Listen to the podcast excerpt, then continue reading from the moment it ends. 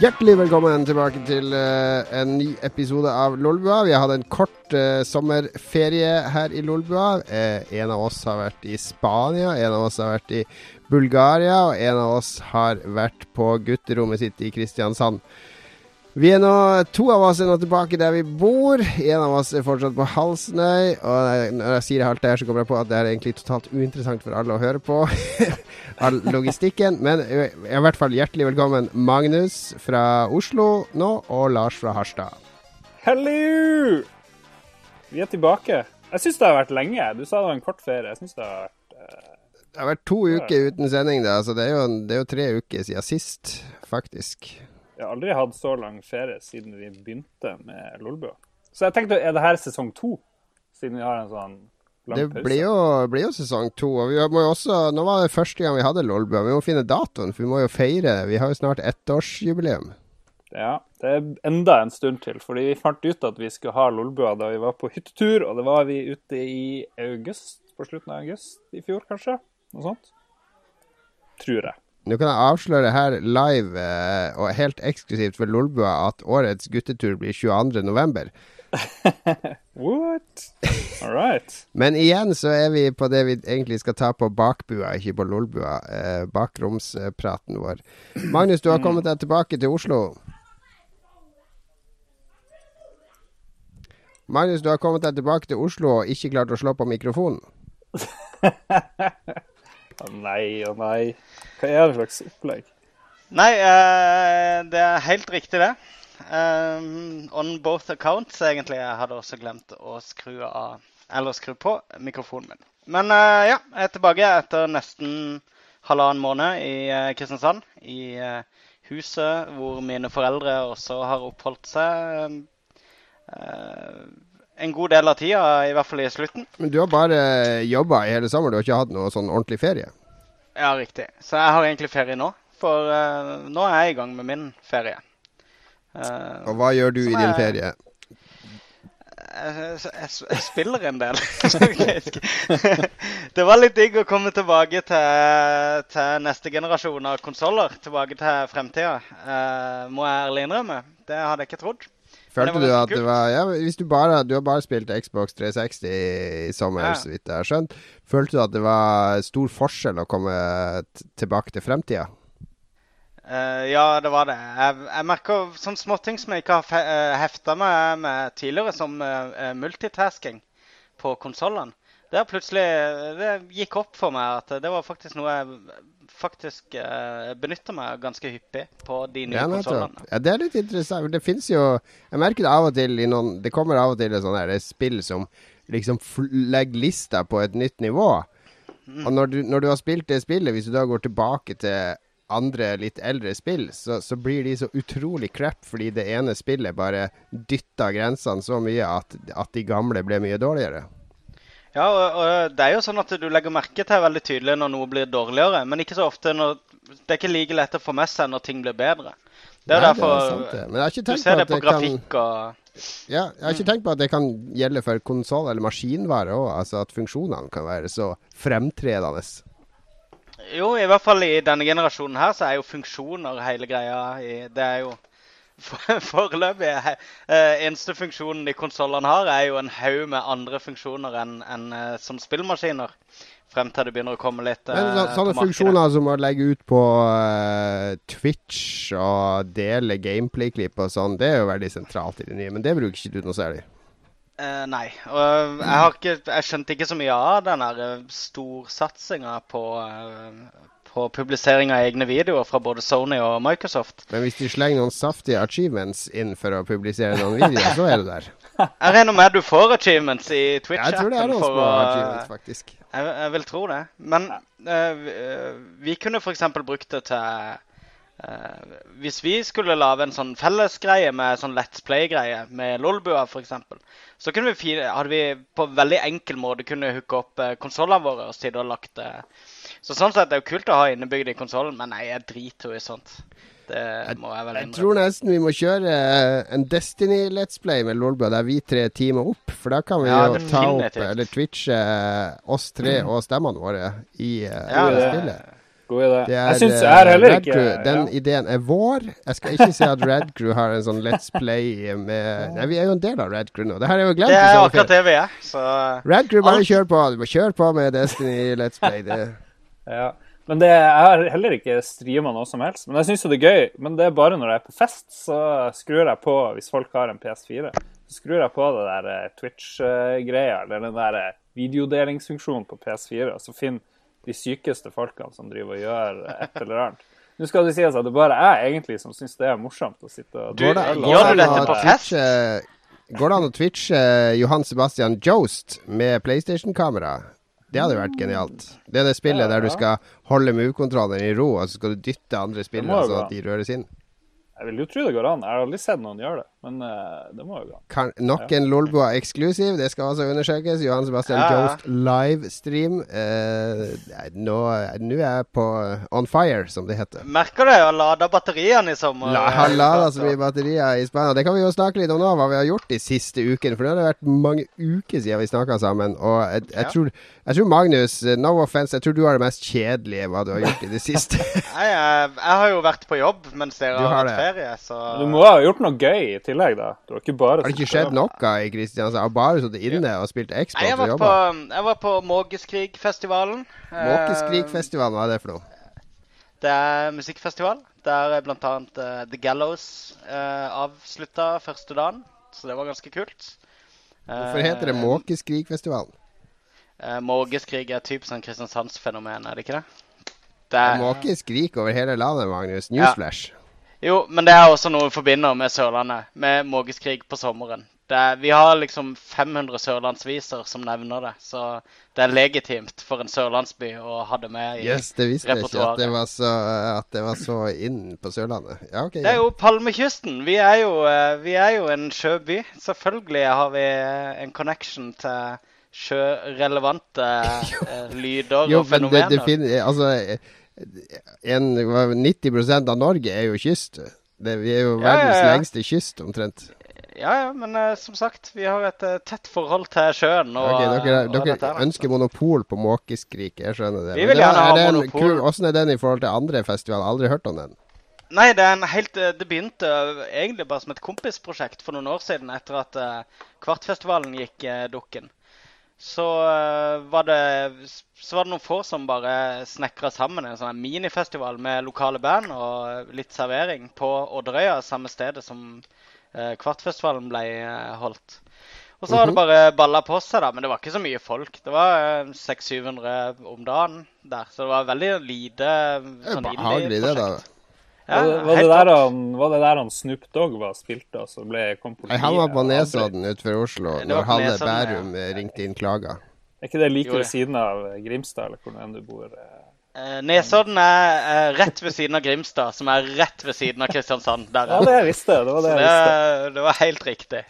Geografikunnskapene mine er ganske bra, vet du. Ja, jeg vet det, de, eh, La oss forbigå det i stillhet, egentlig. Jeg var på også- Måkeskrik, og det er, det er Ja. omtrent det. Så har du kommet tilbake til Oslo og begynt å spille Hva er det du Ja, vi skal snakke om hva du spiller etterpå. Har du, jeg har ikke gjort Ja. noe Det er jo Øyafestivalen i Oslo. Jeg har vært på Øyafestivalen syv, åtte år på rad. Det er det første året jeg ikke er, fordi jeg er på Vestlandet på, på slektstreff. Så, så jeg hadde jo gjerne dratt på Øya hvis jeg hadde vært i Oslo. Men du er ikke på, på Øya, selv om du er i Oslo, Magnus. Nei, og jeg, jeg har vel vært på alle Øyafestivalene tidligere. Men jeg, jeg satt egentlig med kortet klart på internett for en måneds tid siden og skulle eh, finne meg en dag. Og jeg syns programmet er ganske dølt. De har, de har enkle sånne par, par ting om dagen som er skikkelig kult, og resten er litt sånn uinteressant. Og det koster lett en 1200-1300 spenn, gjør det ikke det, for de der dagspassene? Ja, det er en 800-900 spenn, men det er, det er ikke så mye eh, hardt. Det er Mayhem i år, liksom. Ellers Ja, det er metal-dagen. Det er den eneste dagen jeg kunne tenke meg å dra, egentlig. Ja. Og eh, ja. Jeg kunne godt tenke meg å se Outcast og um, Queens of Stone Age i går. Skulle jeg gjerne sett. Det er et band som heter Kuk, som spiller på Øya, ser jeg. Det- Ja, riktig. Jeg prøver å se om det var er noe. Prøvde å se om det var noe spennende. Jeg kjenner jo ikke til noe av det. Jeg har ikke hørt om et eneste Ja, det, det kommer Hør om det i Nord-Norge om et år eller to. Vet du, Øya er jo den store trendfestivalen. Det er de som bruker alt før de andre. ja, ok, Ja, fortell, men meg, det- fortell meg alt du vet om bandet Støv, Jon. Det har jeg lyst til å høre. Støv? Ja. Det er han Stein eh, Ørjan Vassen, Vassenden. Han eh, kaller seg for Støv. Det er Alexander Støver sitt eh, andre prosjekt som eh, Hva er det han kaller seg igjen? Eh, Det er Han, et band som heter Jesus bit, fucking Christ. Da. Det Støv det er Ja. et veldig bra navn, da. Fordi hvis bandet er ganske dårlig, så kan publikum stå og rope 'Støv! Suger! Støv! Suger!' ja, den var god. Den var fin. Den var kjempeartig. Bare innrøm det. For jeg savna min gode, lune Lolbua-humor. Det er Yes, som, det det er jeg. som er r-ene i Lolbua. Altså. Du R-en? Ja, Rorbua, Lolbua. Å ja, sånn. Men eh, ja, ingen øye øyne på det. Enn i- du da, Lars? Fortell litt yeah. om dine, dine sommeropplevelser. Det har vært en eh, kanonsommer, eh, egentlig.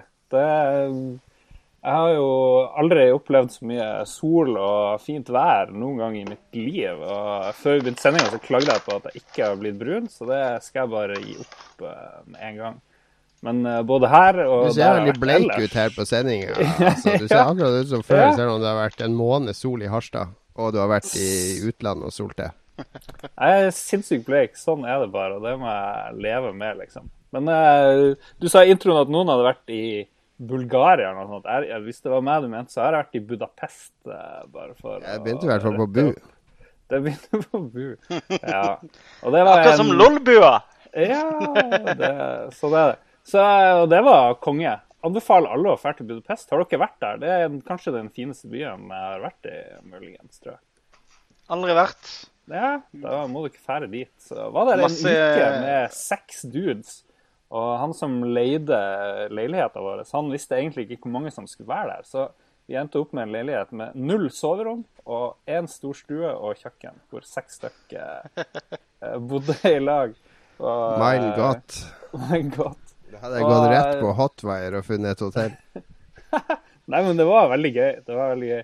Alle hadde selvfølgelig uh, sove i ro og greier, og jeg fant sånn kanonsove i ro. Som jeg, det anbefaler jeg. vet ikke hva det het. Jeg kjøpte det da vi var i USA på E3. Det er sånn her, det er ikke det kjipe gule som du knør sammen, men det er en slags litt mer, litt større og en slags masse sånn silikongreie, eller sånn gjennomsiktig greie som du bare stapper på ørene, og så er det så stort at du kan brette det over hele øreåpningen De stapper det inn i øreåpningen, og så presser det rundt ting og tang, og da hører du ikke en drit. Så hvis dere sover med noen folk som bråker, så vil jeg anbefale det. Så Så det er jo at kraftig jeg at du ikke å overleve. hører brannvarsleren. Ja, Ja, det, det er avhengig av det. OK, OK. Men du, du var så på Formel 1 og sånn der nede òg? Altså, Formel 1 det var liksom hovedgrunnen til at For du er sånn Formel 1-fan. Ja, det er, Formel 1 er jo konge. Det, jeg liker veldig få sporter, men Formel 1 eh, og tennis det er vel det jeg klarer å se på TV. Hvis ikke det er sånn fotball-VM og sånne store greier. Eh, og det Vi var der, vi for ned på tirsdag, og på tirsdagen så for vi og gjorde eh, dilleting. Men og tulla sånn turistaktig frem til torsdagen. Og torsdagen, fredagen, lørdagen og søndagen så var det nesten bare Formel 1-action og ulike sånne supportløp og ditt og datt. Så begynte det å regne, så krasja biler, og så begynte biler å brenne. og Vi kunne liksom gå ned i pitten og kikke og se på førere og sånt.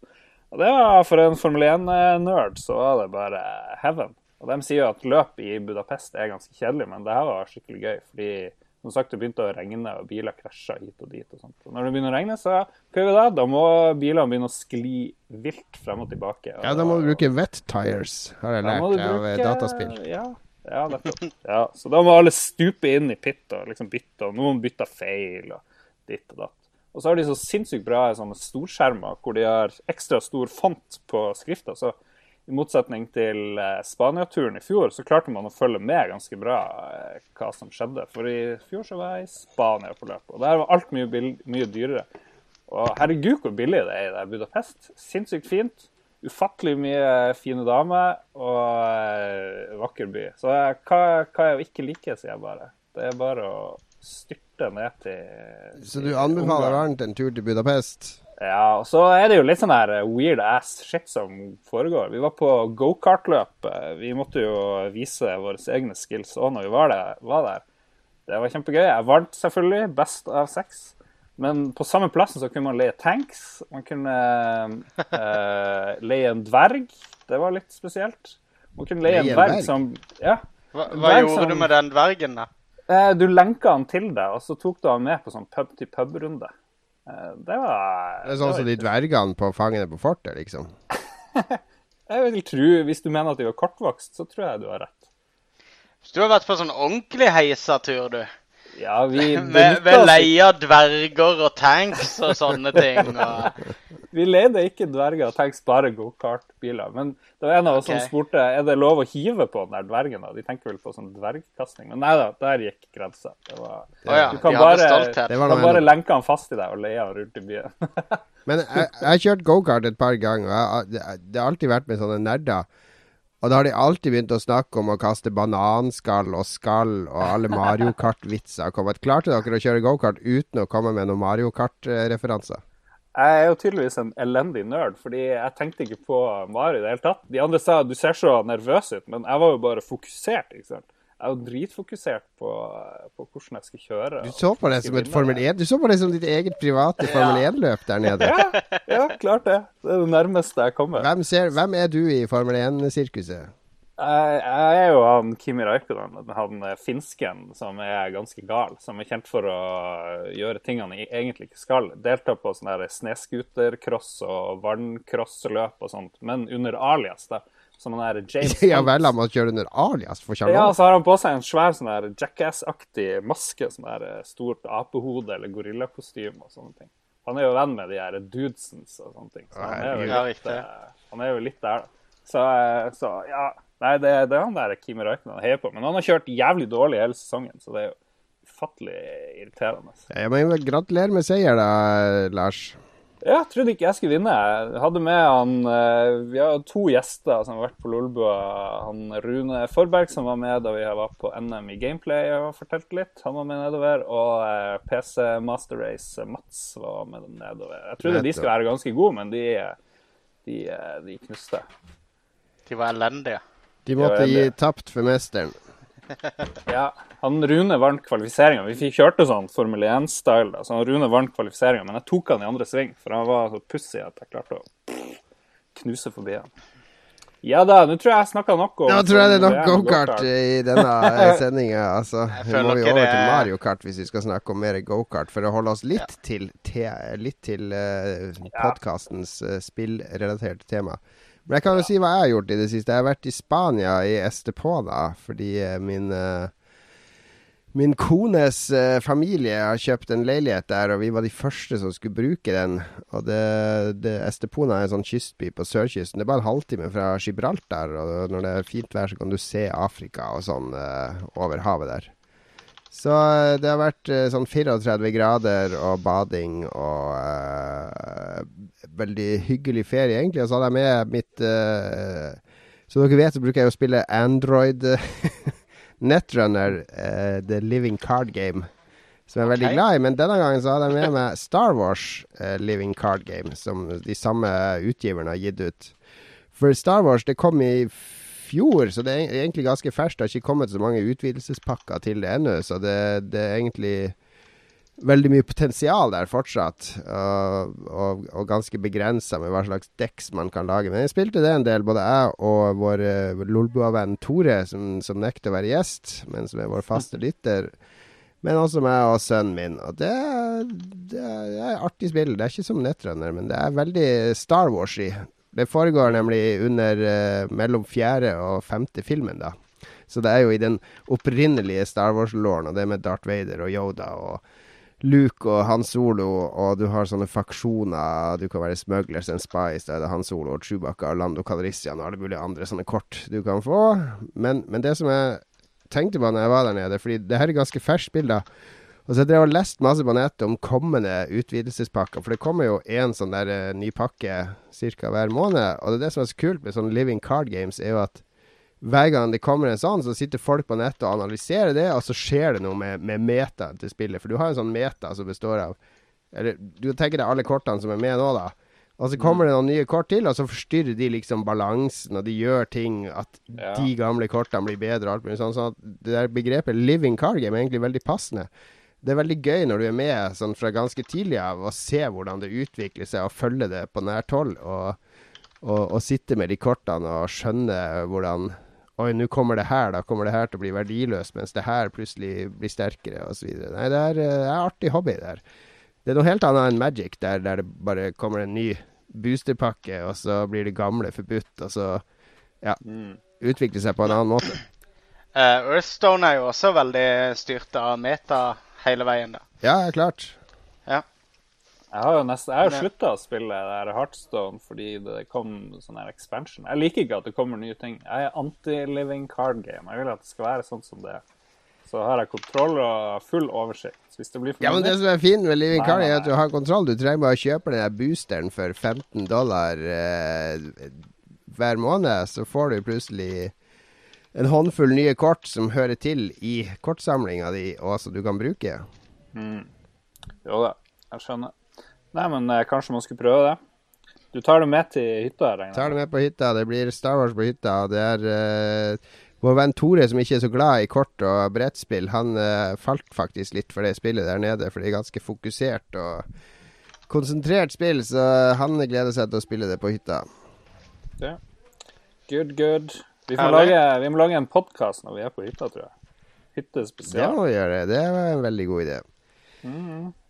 Tema i dag Vi har egentlig ikke noe ordentlig tema, men jeg tenkte i lys av Det har jo skjedd litt sånne ting i sommer. Det har kommet noe som heter EA Access, hvis jeg har hørt rett. Og det er et eh, abonnementsprogram der du betaler en fast sum i måneden eller i året. Og så får du tilgang til noen halvgamle EA-spill, og du får tilbud om å Eller du får spille demo av nye spill før de kommer, og du får også tilbud om å kjøpe og spille nye spill eh, en uke før de kommer, altså før alle andre. Eh, er det korrekt oppsummert? Ja, det høres Ja. ganske, ganske riktig ut. I tillegg så får du eh, 10% rabatt på alt av EA-ting, tror jeg. Ja, 10% rabatt på alt av EA-ting på digitale kjøp er jo Ja. fortsatt dyrere enn elkjøpprisen som regel, men det, det er en annen sak. Men, Ja. men det er i hvert fall en sånn subscription-tjeneste, så da, da kan du liksom ha den i tillegg til uh, Xbox Live-abonnementet ditt. Og så har du jo PS4 òg, så du har selvfølgelig PlayStation Pluss. Pluss abonnement. Og så kommer sikkert Steam med en eller annen abonnementstjeneste. Og så kommer Ubisoft med en egen, for de vil jo ikke være dårligere enn eh, EA. Og så kommer Activision med sin. Og så er det plutselig 20 sånne abonnementstjenester fra hver utgiver. Er det, det, er det sånn fremtida blir? Jeg, jeg sliter litt med å se problemet med det. Ehm, med EA Access så var det snakk om 30 dollar i året for å ha tilgang på en sånn portefolio av, av eldre EA-spill, som sannsynligvis kommer til å bli eh, en mye mer eh, eh, Hva skal du si En mer konsekvent database enn det f.eks. Netflix har, med tanke på at de eier lisensene på alt. da. 30 Så- dollar i året. Ja. Det er Fem ganske dollar, billig, i måneden, det? fem dollar i måneden eller 30 dollar i året, så kan du spille kan du spille Fifa frem til det neste Fifa kommer, ikke sant? For fem dollar i måneden, f.eks.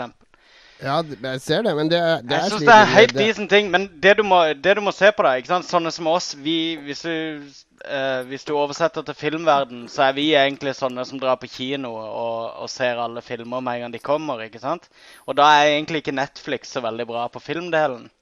Eh, men for andre så er det en genial tjeneste, for de er ikke interessert i å ha det nyeste, feteste der og da. Og da tror jeg det er en veldig nyttig tjeneste. For det, i løpet av ett år, hvis ikke du bruker mer enn 30 dollar på EA-spill i løpet av et, en ettårssyklus, så fine, da, da vil det ikke lønne seg. Men de fleste som kjøper litt spill, gjør lett det, altså. 30 risikerer dollar er ikke at alle de casual-spillerne som nå kjøper Fifa i november, eller får det til jul, eller noe sånt, de tenker er det Ja. ikke noe vits, for jeg får det til påske uansett, for da blir det gratis i EA Access.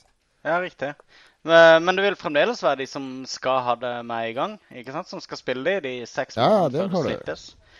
Eh, men, men nå er det jo over igjen. ikke sant? Sånn, er det heldig for publisher og sånn? Og åpenbart så er det jo det, siden EA av alle Jo, jo, tenker, det er jo klart at. EA har funnet en måte å gjøre det heldig for publisher, men jeg tenker jo også at vi har ikke noe det er ikke noe sånn garanti. Det er ikke noe sånn at alle EA-spill som er seks måneder gammel, kommer i EA Access.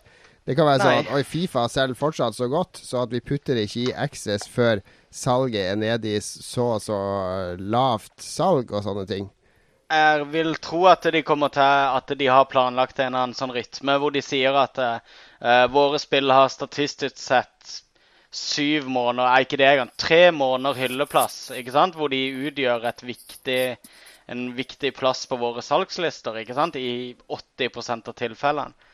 Så, ikke sant? så derfor så, uh, så tror jeg det kommer til å jevne seg ut sånn sett. Med at de bare gir produktene sine ei viss sånn her virtuell levetid. Og så, når den virtuelle levetida er over, så kan de klasje det over i en abonne- abonnementstjeneste og fortsette å tjene på det.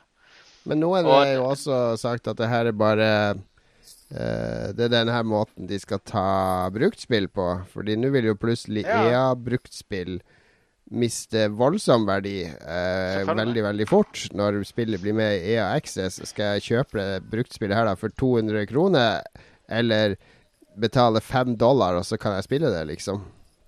Ja, men er vi så hypp på å ha eh, bruktspill for en viss, for enhver pris, liksom? Uh, det er vel, det er vel ja, jeg, strengt bare, jeg bare er djevelens eh, Er det bruktspillbutikkenes advokater? Ja, for det er jo det er bare butikkene. Det er jo bare det ene salgsleddet som har noe sånn stor interesse i bruktspill, vil jeg tro. Uh, fordi For de skal tjene penger. Ja. Jeg, jeg, jeg syns eh, den der uh, abonnementsordninga Jeg ønsker den velkommen med hele mitt hjerte. Men vi, vi hater jo Altså vi som spiller mye på PC, jeg hater jo å måtte gå inn i Origin for å lansere spill. Og så må Ja. jeg gå inn i Uplay for å lansere Ubisoft-spill, og så må jeg gå inn i Steam for å lansere de andre sine. Jeg vil jo gjerne ha alt inn i én tjeneste. Og når EA nå bryter ut, så du vet jo at nå kommer det jo ingen EA-spill i eh, PlayStation uh, gullabonnementet fremover. Ja, men det har jeg aldri gjort heller. Har det ikke vært det før? Nei. Nei, Jeg spurte jeg om det, og de sa at uh, så vidt de kjente til, så hadde de ikke hatt noen spill. Verken på Xbox Live Gold eller på, på uh, PlayStation Plus. Ja. Ja, men det er jo som om Universal ikke skulle være med i Spotify. ikke sant? Men de skulle ha sin, Vi skal ha vår egen streametjeneste bare for Ja. Universal-musikk. Men, men eh, jeg, jeg forstår at Jeg hadde forstått hvis folk var sinte for dette, hvis de hadde sagt at den eneste måten du får tak i neste Fifa på, er å signe opp i en sånn her eh, abonnementstjeneste. Da hadde jeg Ja, skjønt men er det ikke fare for at det går den veien? Ja, men spillene er jo til salgs ellers, da. Hvis du ikke er komfortabel Hvis ikke du har lyst til å abonnere på eldre EA-spill, så kjøper du nye EA-spill akkurat som før. Det er liksom ikke noe sånn herre Hvis jeg skrur på Xboxen eller PlayStation min nå, så har jeg sikkert sånn ti forskjellige sånn TV-kanaler som prøver å selge meg eh, sånn film- og TV-serieabonnement, ikke sant?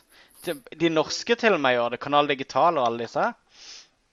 Mm. Eh, men, men eh, det betyr jo ikke at det er den eneste måten å nyte de der produktene på. Det er bare det er pakkedealer som hele tida er tilgjengelig.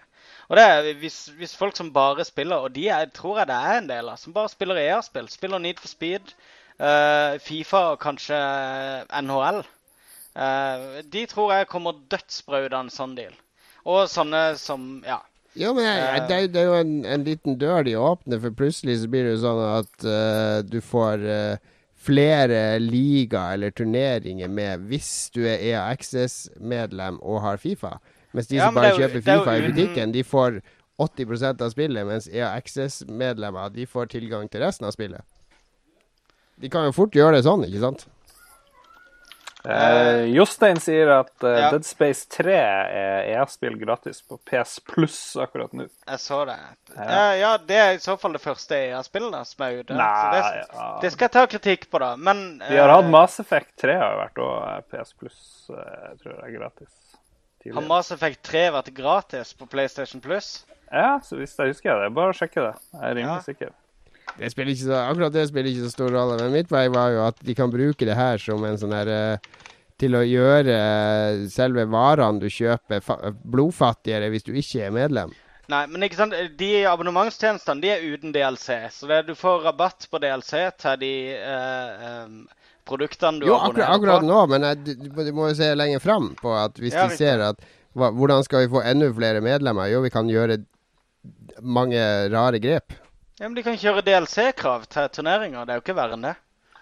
Ja, Mass Effect 3 var gratis. Jeg drev og hørte en okay. debatt litt om det her da han Mark Cerny og han eh, Sony Computer Entertainment-sjefen, hva mener han heter for noe, han engelskmannen, de har en sånn timelang eh, diskusjon som var på Develop i England eh, tidligere år, som ligger på YouTube. Den anbefaler jeg. Og da snakka de litt om PlayStation Plus og fremtida da på distribusjon av spill. Og grunnen til at de går hardt på den PS Plus, er at de ser det her med Spotify og Netflix og alt det her. Så de var jo veldig tidlig ute med akkurat det, og tjenesten deres har jo blitt bedre. For meg så er de liksom Netflix, den der eh, greia som andre må måle seg mot. Men akkurat, som vært med, men akkurat som med Netflix, så tror jeg det kommer til å være noen vinnere. fordi nå virker det som det kommer altfor mye. Det blir mye sånn her komoyo og mye sånn her eh, i fjall som du egentlig ikke Som ikke funker så veldig bra.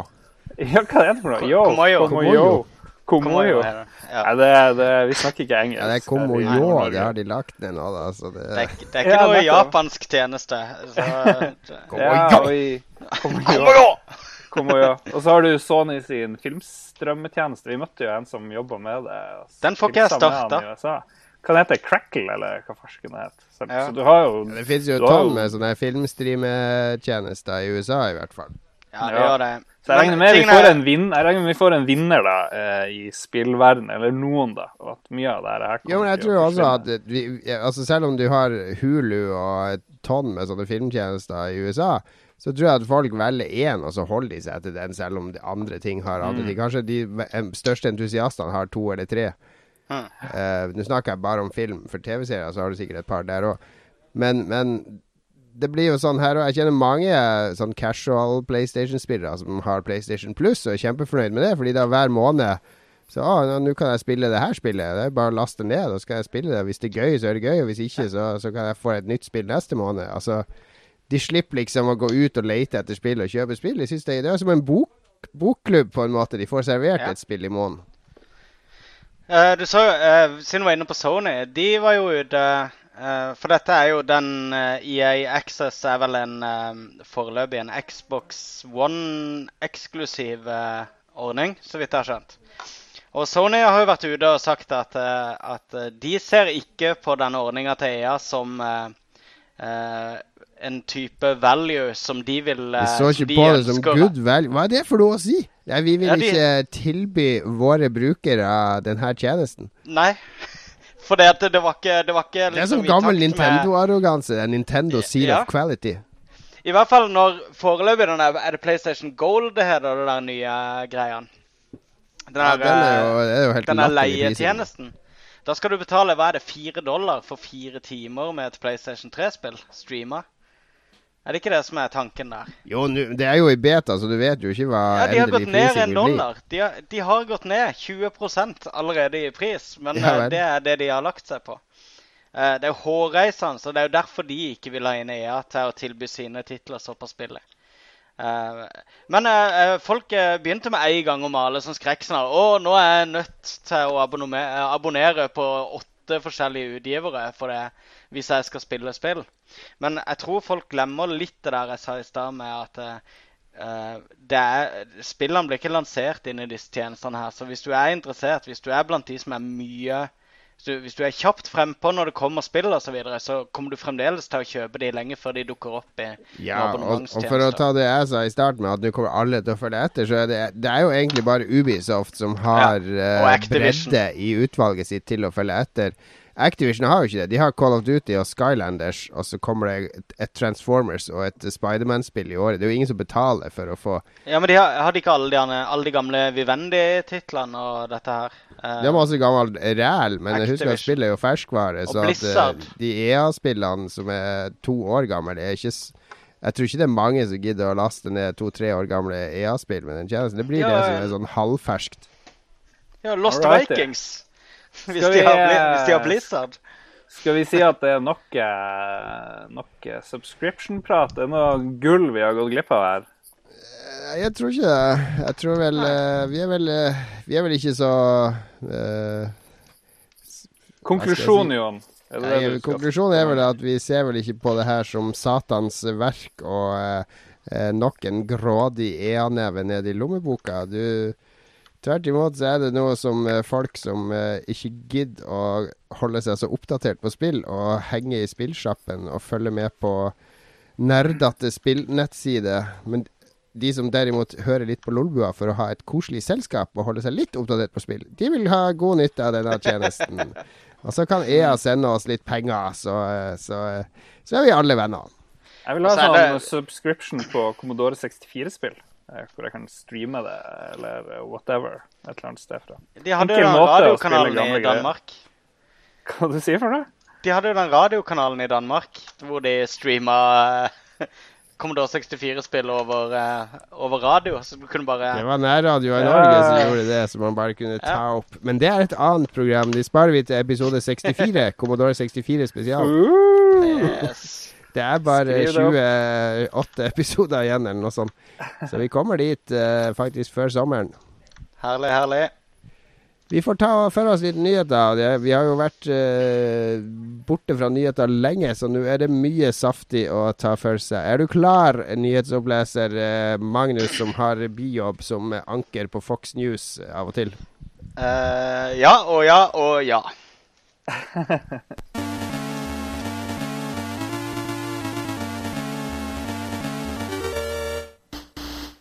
Saksøker Sony og Killzone Shadowfall. En mann i California har saksøkt Sony i USA for å villede forbrukerne med lovnader om oppløsning på native 1080p i flerspillermodus, noe Gorilla Games ikke leverte. Mannen vil ha fem millioner dollar. Oh yeah, baby. Oi, oi, oi. Jeg tror vel strengt at han bare Hvis det er noen som ser på oss på YouTube nå Vi har aldri sagt noe om at Lolbua er i 1080p. Vi har ikke engang sagt at det er 720p. Vi er ikke klar over om Hvis, det hvis du i hele tatt klarer å se fjesene våre gjennom denne dårlige streamen, så må du være fornøyd. Det er ingen saksøkingsgrunnlag her. Godt, uh, god disclaimer. Men uh, ja, hva vi skulle bli anmeldt for? Jeg vet ikke. Bort, kaste bort folks tid. Går det an å saksøke folk for det? Ja, det burde gå. Det burde gå. For det tid er penger. Men jeg er litt, eh, litt eh, opp, eh, interessert i hva han skal bruke de fem millioner dollarene på. Men det er jo Er sånn, det- det er jo sånn der class action-låsut, så det Ja, skal okay. vel gå til de som har kjøpt spillet, da, muligens. OK. Og, og jeg, må jo si, jeg får jo litt sånn Litt varme følelser for det der søksmålet, fordi det var jo et, en stor skuffelse for meg, da, i hvert fall, det der eh, Killzone. Sånn som egentlig alle andre Killzone-spill har vært. Så bare fordi jeg syns det er dritt, så syns jeg ja, ja. Jeg kan godt få en dollar for at jeg måtte lide meg gjennom det der spillet. Men Ja. det er jo en merkelig ting å gå så langt som å gå til et søksmål fordi de ikke leverer 1080p i multiplayer. Native 1080p, takk. Native, unnskyld. Native 1080p. Dette de er jo oppskalert! Åh. oh, men seriøst, eh, er det, er det ingen butikker i USA hvor du ikke Jeg trodde alle butikker i USA hadde sånn at du kunne gå tilbake og klage og få pengene igjen. Nesten alle, i hvert fall. Jeg skulle gitt mye for å jobbe i den butikken i USA der han fyren kommer inn, og så står han med en eske, og så peker han bak der det står 1080p. Så, det står 1080p! Jo, men Dette er det oppskalert. sikkert at alt i er det. Det står her 1080p! Men Jon Cato, vi har jo hatt en haug med sånne folk i butikken. Ja, det, Den jeg- tida vi jeg har jobba i. Det, det, jeg savner, jeg savner det av og til, de der irrasjonelle. De som har Du, du ser for deg, de har gått nå Det er typisk sånn mandagskunde. Så de kjøpte et spill på lørdag, og så et eller annet trøbbel med det. De får svart skjerm eller noe sånt på PC-en Ja. og sånn. Og så har de gått og hissa seg opp sånn hele søndagen. har de gått og fundert på argumentene og blitt sintere og sintere, så kommer de endelig inn i lunsjen på mandag og slenger det i bordet og sier 'Det virker ikke!' Og så har du oppdatert skjermkortgiverne. Hva er det for noe?! Eller enda bedre, det beste var jo når det kom et nytt eh, Metal Gear Solid-spill. Da har du alltid fått inn en hel haug med sånn ordentlig gung-ho, dritsure eh, folk som har kjøpt dette her spillet med den der eh, grafikken alle har snakka om. Så kommer de tilbake etter helga og er supersure. Um, for det, at, eh, Det er en bug i det som gjør at ikke de kommer forbi menyen. For det eh, som det eneste vestlige spillet, eller eneste vestlige utgaven av et japansk spill, så, eh, så har de ikke bytta om på X og sirkel. Nettopp. Så eh, folk står og trykker på cancel. Folk står i menyen og trykker på cancel som gale. Jeg, jeg, jeg, jeg hadde i hvert fall Da Metal Gear Solid 2 kom, så hadde jeg i hvert fall ti personer som skulle ha pengene igjen. Det er helt sant. Jeg husker det var en meget kjent eh, norsk DJ inne og, og klaga på han fikk ikke til oss der, Vi skal ikke si navnet Pappa Lars, men eh, det var eh, Jeg husker han kom inn i butikken og skjønte ingenting. Herregud, hvor teit går det an å være? Er det så vanskelig? Ja, ja. Greit nok. Det er tydeligvis men, så men- vanskelig. Vi hadde men også tilbake- En av favorittkundene mine var jo også de der når de hadde problemer med PC-spill. Det var at de hadde alltid en kamerat som var ekspert på data.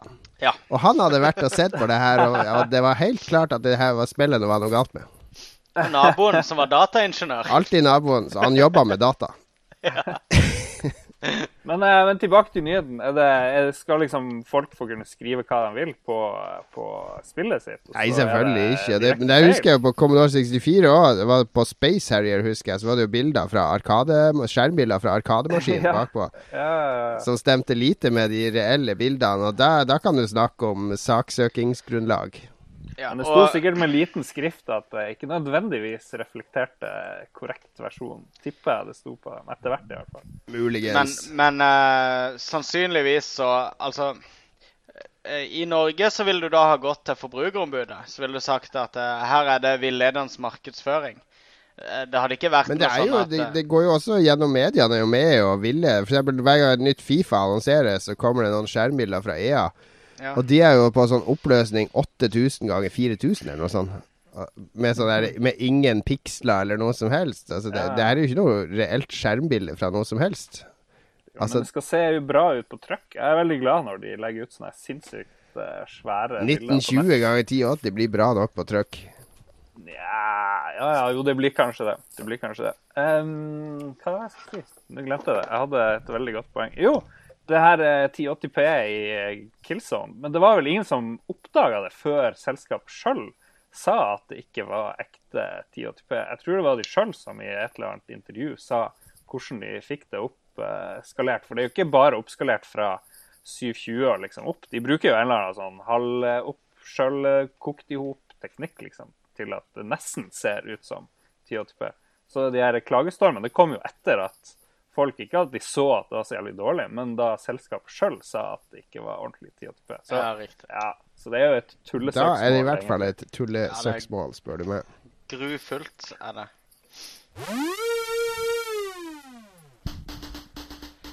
Nintendo-ansatt får endelig tvitre etter å ha sagt opp jobben.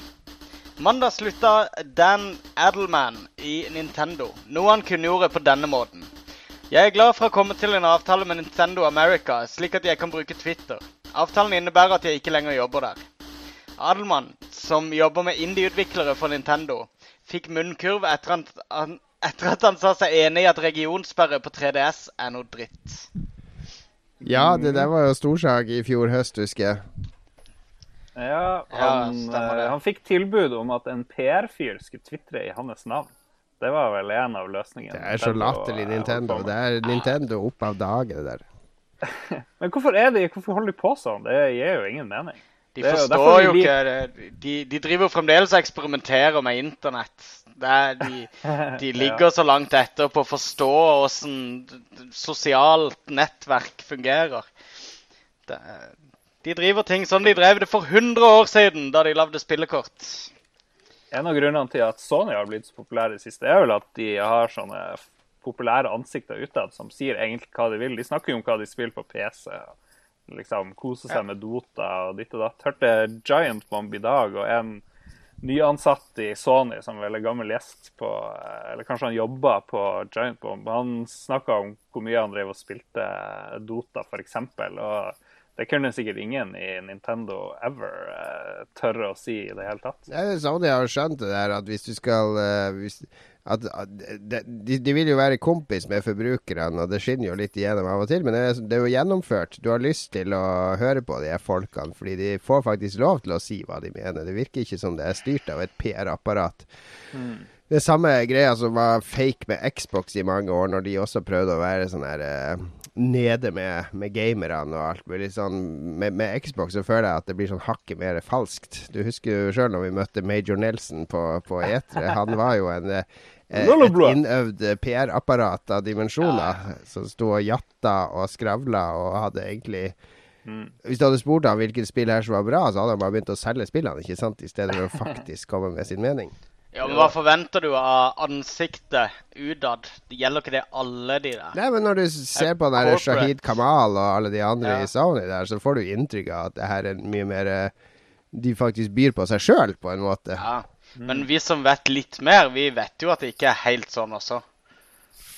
Nei, det er ikke, det er ikke 100, 100 men, men det, er jo eh, Nintendo det handler om her. Og Nintendo ja. skal jo helst være en ansiktsløs, homogen uh, masse. De er jo uh, det er en gjeng stormtroopere, og så har du eh, Darth Vader, det er Shigeru Miyamoto, og så han der Saturo Iwata i Keiseren. Og det, det Huff da, Dette har du tenkt gjennom, hører jeg, Jon Cato. Nei, det er improvisert her og nå, men det, det, stemmer jo. Det er jo sånn, de, vil jo, de har imperiet sitt, og så sliter litt mot de der eh, Sony-opprørerne og de andre, men uh, men de, de, vil gjerne ha imperiet sitt sånn som det var før. Og Nintendo er vant til å ha stålkontroll på alt. Det var de som fant opp å lage sitt eget spillblad, ikke sant?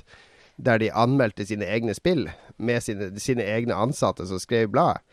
Ja. Og det, ble, det, var jo kanskje verdens mest populære spillblad. Et opplag på en halv million eksemplarer i USA. Og spillerne elska det jo, fordi det var det første stedet der du fikk Nintendo-nyheter.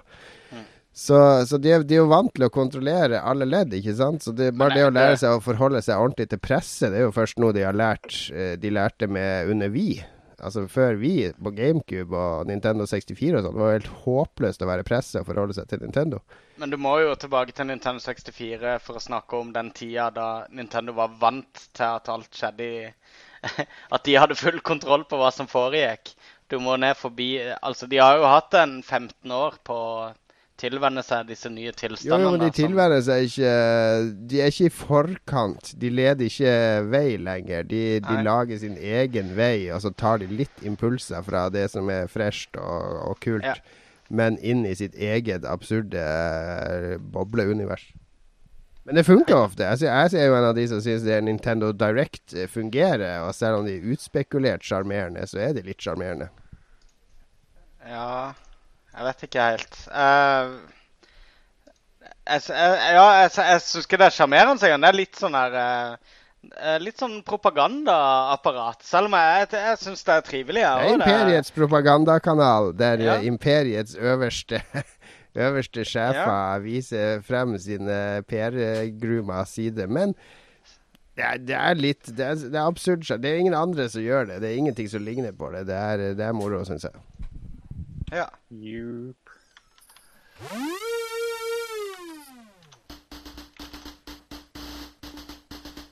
Twitch News. fucker opp. Spillstreamersida Twitch kutter nå lyden i 30 minutter hvis de oppdager at du sender opprettsbeskytta eh, musikk. Selv deres egne videoer har blitt ramma av det mange kaller en fadese, og oppvarming til tjenesten blir kjøpt opp av Google og YouTube.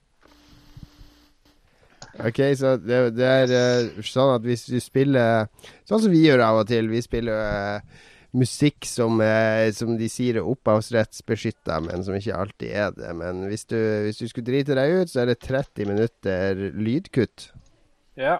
ja. Det er, og det, det, det, er hvis det er ti sekunder musikk bare, så kutter de lyden i 30 minutter no matter what. Så folk er jo pissed as fucked. Så og noen selskaper har vel gått så langt at de sier at folk som eier musikk og vil ha dem i Twitch-streamer, kan ta kontakt med dem. Så skal de ringe Twitch og prøve å få det til å funke. Men det er jo gøy at selv Twitch sine egne videoer plutselig blir stum i 30 minutter fordi de liksom Jeg hater det der copyright infringement pga. musikk. fordi det, det kommer jo alltid fra sånne jalla-selskaper og man tør jo aldri å begynne å conteste det. Så det har fått mange sånne som er helt feil, der de påstår at det er en sang og ikke er den samme sangen. Ja, ja. Mm. Men det er jo helt dust. Hvis jeg begynner å conteste det, så risikerer jeg bare at hele kontoen min blir sperra, og forsvinner alle Lolbua-videoene osv. osv. Det er altfor risikabelt. For jeg er, ikke, jeg er ikke PewDiePie. Jeg har ikke et digert apparat i ryggen. Du har jo Aftenposten og eh, Du har jo big man on Campus. Aftenposten har jo ingenting med min YouTube-kanal å gjøre, eh, Lars. Jo, men, ja, det betyr at vi må få Lolbua på Aftenposten. Hvorfor har ikke det skjedd, eh, Jon? Hva er dårlig Hvorfor har ikke det arbeid? skjedd, Jon? Det er nok en prat for bakbua som ikke skal ut i lolbua. Ja, vi ble kjøpt opp for en halv million av, eh, av Radcrew, det var det. Glemte det. Glemte Vi, har, vi er partnere med, med Red Grow. Jeg vet ikke om dere lager merke til det, men introsangen i dag, hva, hvilket spill var den fra? Banjo Kazooie. Og den, eh, hvem som har laga musikken her? Det var Jostein Hakstad. Det var Grant Kirkhope. Og Grant Kirkhope kan du høre et spennende intervju med i den nyeste Red Crew-episoden som du finner på redcrew.net. Redcrew.net. Hele Norges portal for spillpodkaster. Der har vi gjort vår plikt nå. Ja, nå har du gjort det. Vi kan holder gjøre det, men jeg tenkte jo også vi skulle nevne at de har lansert premiumløsning med det ufattelig kule navnet. Man kan bli en eh, ikke sånn her eh, premium-backer, men du kan bli en radiator. Jeg syns det var litt originalt. Jeg ville kalt for en Man kunne blitt en komfyr, eller jeg vet ikke. Eller en Du, ja. Vi må finne, hva, hva blir de, Når vi lanserer premiumløsning, hva blir våre medlemmer? Da blir det blir en sucker. Du er lettlurt, i hvert fall. Ja, og så kan de tjene, kanskje vi skal lage sånn at de kan tjene sånne badger jo mer de, jo mer de doneres. De kan få sånn Mossa-badge og Tore Skoglund-badge. og Ja, achievements. Jeg er alltid med på alle achievements-ordninger. Men hvis du blir sånn her radiator, så får du, du får noen sånne perks. Du kan høre på det der eh, Radcrew Nights, som er en sånn ny greie. Det er vel Ja, det er så broren til Jostein, han eh, Andreas, er det han heter? Nå glemte jeg det plutselig. Alexander Hagstad. Alexander, unnskyld. Ja. Og jeg tror òg du får nakenbilde av Alexander. Han har vært på sånn fotoshoot og har noen sånne lekre bilder. Ja vel. Tilgang Hvor, til hvis si, hvor, hvor er det jeg signer opp for det her? Sikkert på radcrew.net. Vi må jo, er det ingen av oss som har Vi må jo signe oss opp for det her. Ja, vi bør jo det. De eh, jeg tror de har en 5000 sånne premium eh, suckers eh, allerede, så jeg tror det går bra. Kanskje det kommer litt penger til oss? Kanskje vi får litt av de her Når det regner på presten, så drypper det på lolleren, er det ikke det de sier? Ja, tror det. Og så har jeg sagt at vi må snart få se litt av de her en halv million vi ble kjøpt opp for, ellers så sender vi han Øyvind etter det. Alsaker. Nei, ja, han òg, men vår Øyvind fra Trondheim. Ja, eller vår Sarstad-venn Øyvind, som bodde i Trondheim. Jeg sendte bilde av Øyvind som et slags pressmiddel til Red Crew. Da tenker jeg de pengene er der. Vi har bare én kort nyhet igjen, hvis eh, vår eh, venn eh, Fox News Tellefsen er klar. Krise i Azeroth. Vov er nå nede i seks millioner subscribers, eller abonnenter, som det heter på norsk. Spillerne flykter med andre ord fra World of Warcraft, og Blizzard er doomed. Doomed! Doomed. seks millioner De var på tolv millioner for uh, halvannet år siden. Er det seks. Hva er det som skjer? Altså, de er vel fremdeles det definitivt største i Vesten, er det ikke det? Ja, ja, altså, Hvis du teller subscription-basert, ja. Ja, Ja, det vil jeg tro. det må man gjerne. Men det Må- bli må en sånn seks millioner, hva er det? Er det Kung Fu Panda-greia som ikke slo an, eller? Nei, det er jo at eh, spillet har eksistert i over ti år, da. Det er et ti år gammelt spill. Det er jo helt sykt at de har så mange spillere ennå. Tenk hvor mange ganger de, i hvert fall fire-fem av de millionene Tenk hvor mange ganger de har spilt seg gjennom det aller meste av innholdet i det spillet. Og fremdeles så er de der. Jeg er det ikke Jeg trodde jeg skulle få flere etter Heartstone, fordi jeg kjenner jeg kjenner en sånn der eh, Heartstone eh, Eller sånn World of Warcraft-junkie, da. La oss kalle en spade for en spade. Han spilte mye World of Warcraft. Og så kutta han det ut for et par år siden. da Nå var ferdig, det var kone og barn og bla, bla, bla. Har ikke spilt det på to år, og så skulle han spille Heartstone når det kom. Så spilte han én kamp og hørte alle de lydeffektene fra WoW. Det var rett tilbake til WoW. Det var bare sånn der Hva var som li Jeg skal bare ta et lite drag, og så var det ned på plata. Ja, ja. Men uh, det høres helt riktig ut, det, altså. Um, Da vil jeg tro at, at eh, det gikk til mange av de som hadde falt av WoW, som nå prøvde Heartstone, hoppa inn litt i WoW igjen. De fikk en sånn kick tilbake. Ja, helt sikkert. Men jeg tror mange driver bare og bruker eh, World of Warcraft som sånn chat-klient nå. Jeg har i hvert fall en kompis som sier han bare logger inn for å prate med folk. Jeg har alltid kalt? MMO-er for avanserte versjoner av IRC, så det, Ja. det er godt å høre at mine fordommer stemmer. Men hva det koster å være med i det her Det? Koster jo eh, 150 kroner, eller det gjorde det i hvert fall. 15 Um, dollar, ikke det? Jo, 15 dollar, men også 15 euro. Så, så jeg lurer er på om det er, Ja. Det er kjempemye penger, og uh, fremdeles, da, så drar de jo inn. Jeg regner med de, de, er, de er nok i null, tror du ikke det, på World of Warcraft? Er det, er det 15 dollar i år eller måned? I måneden.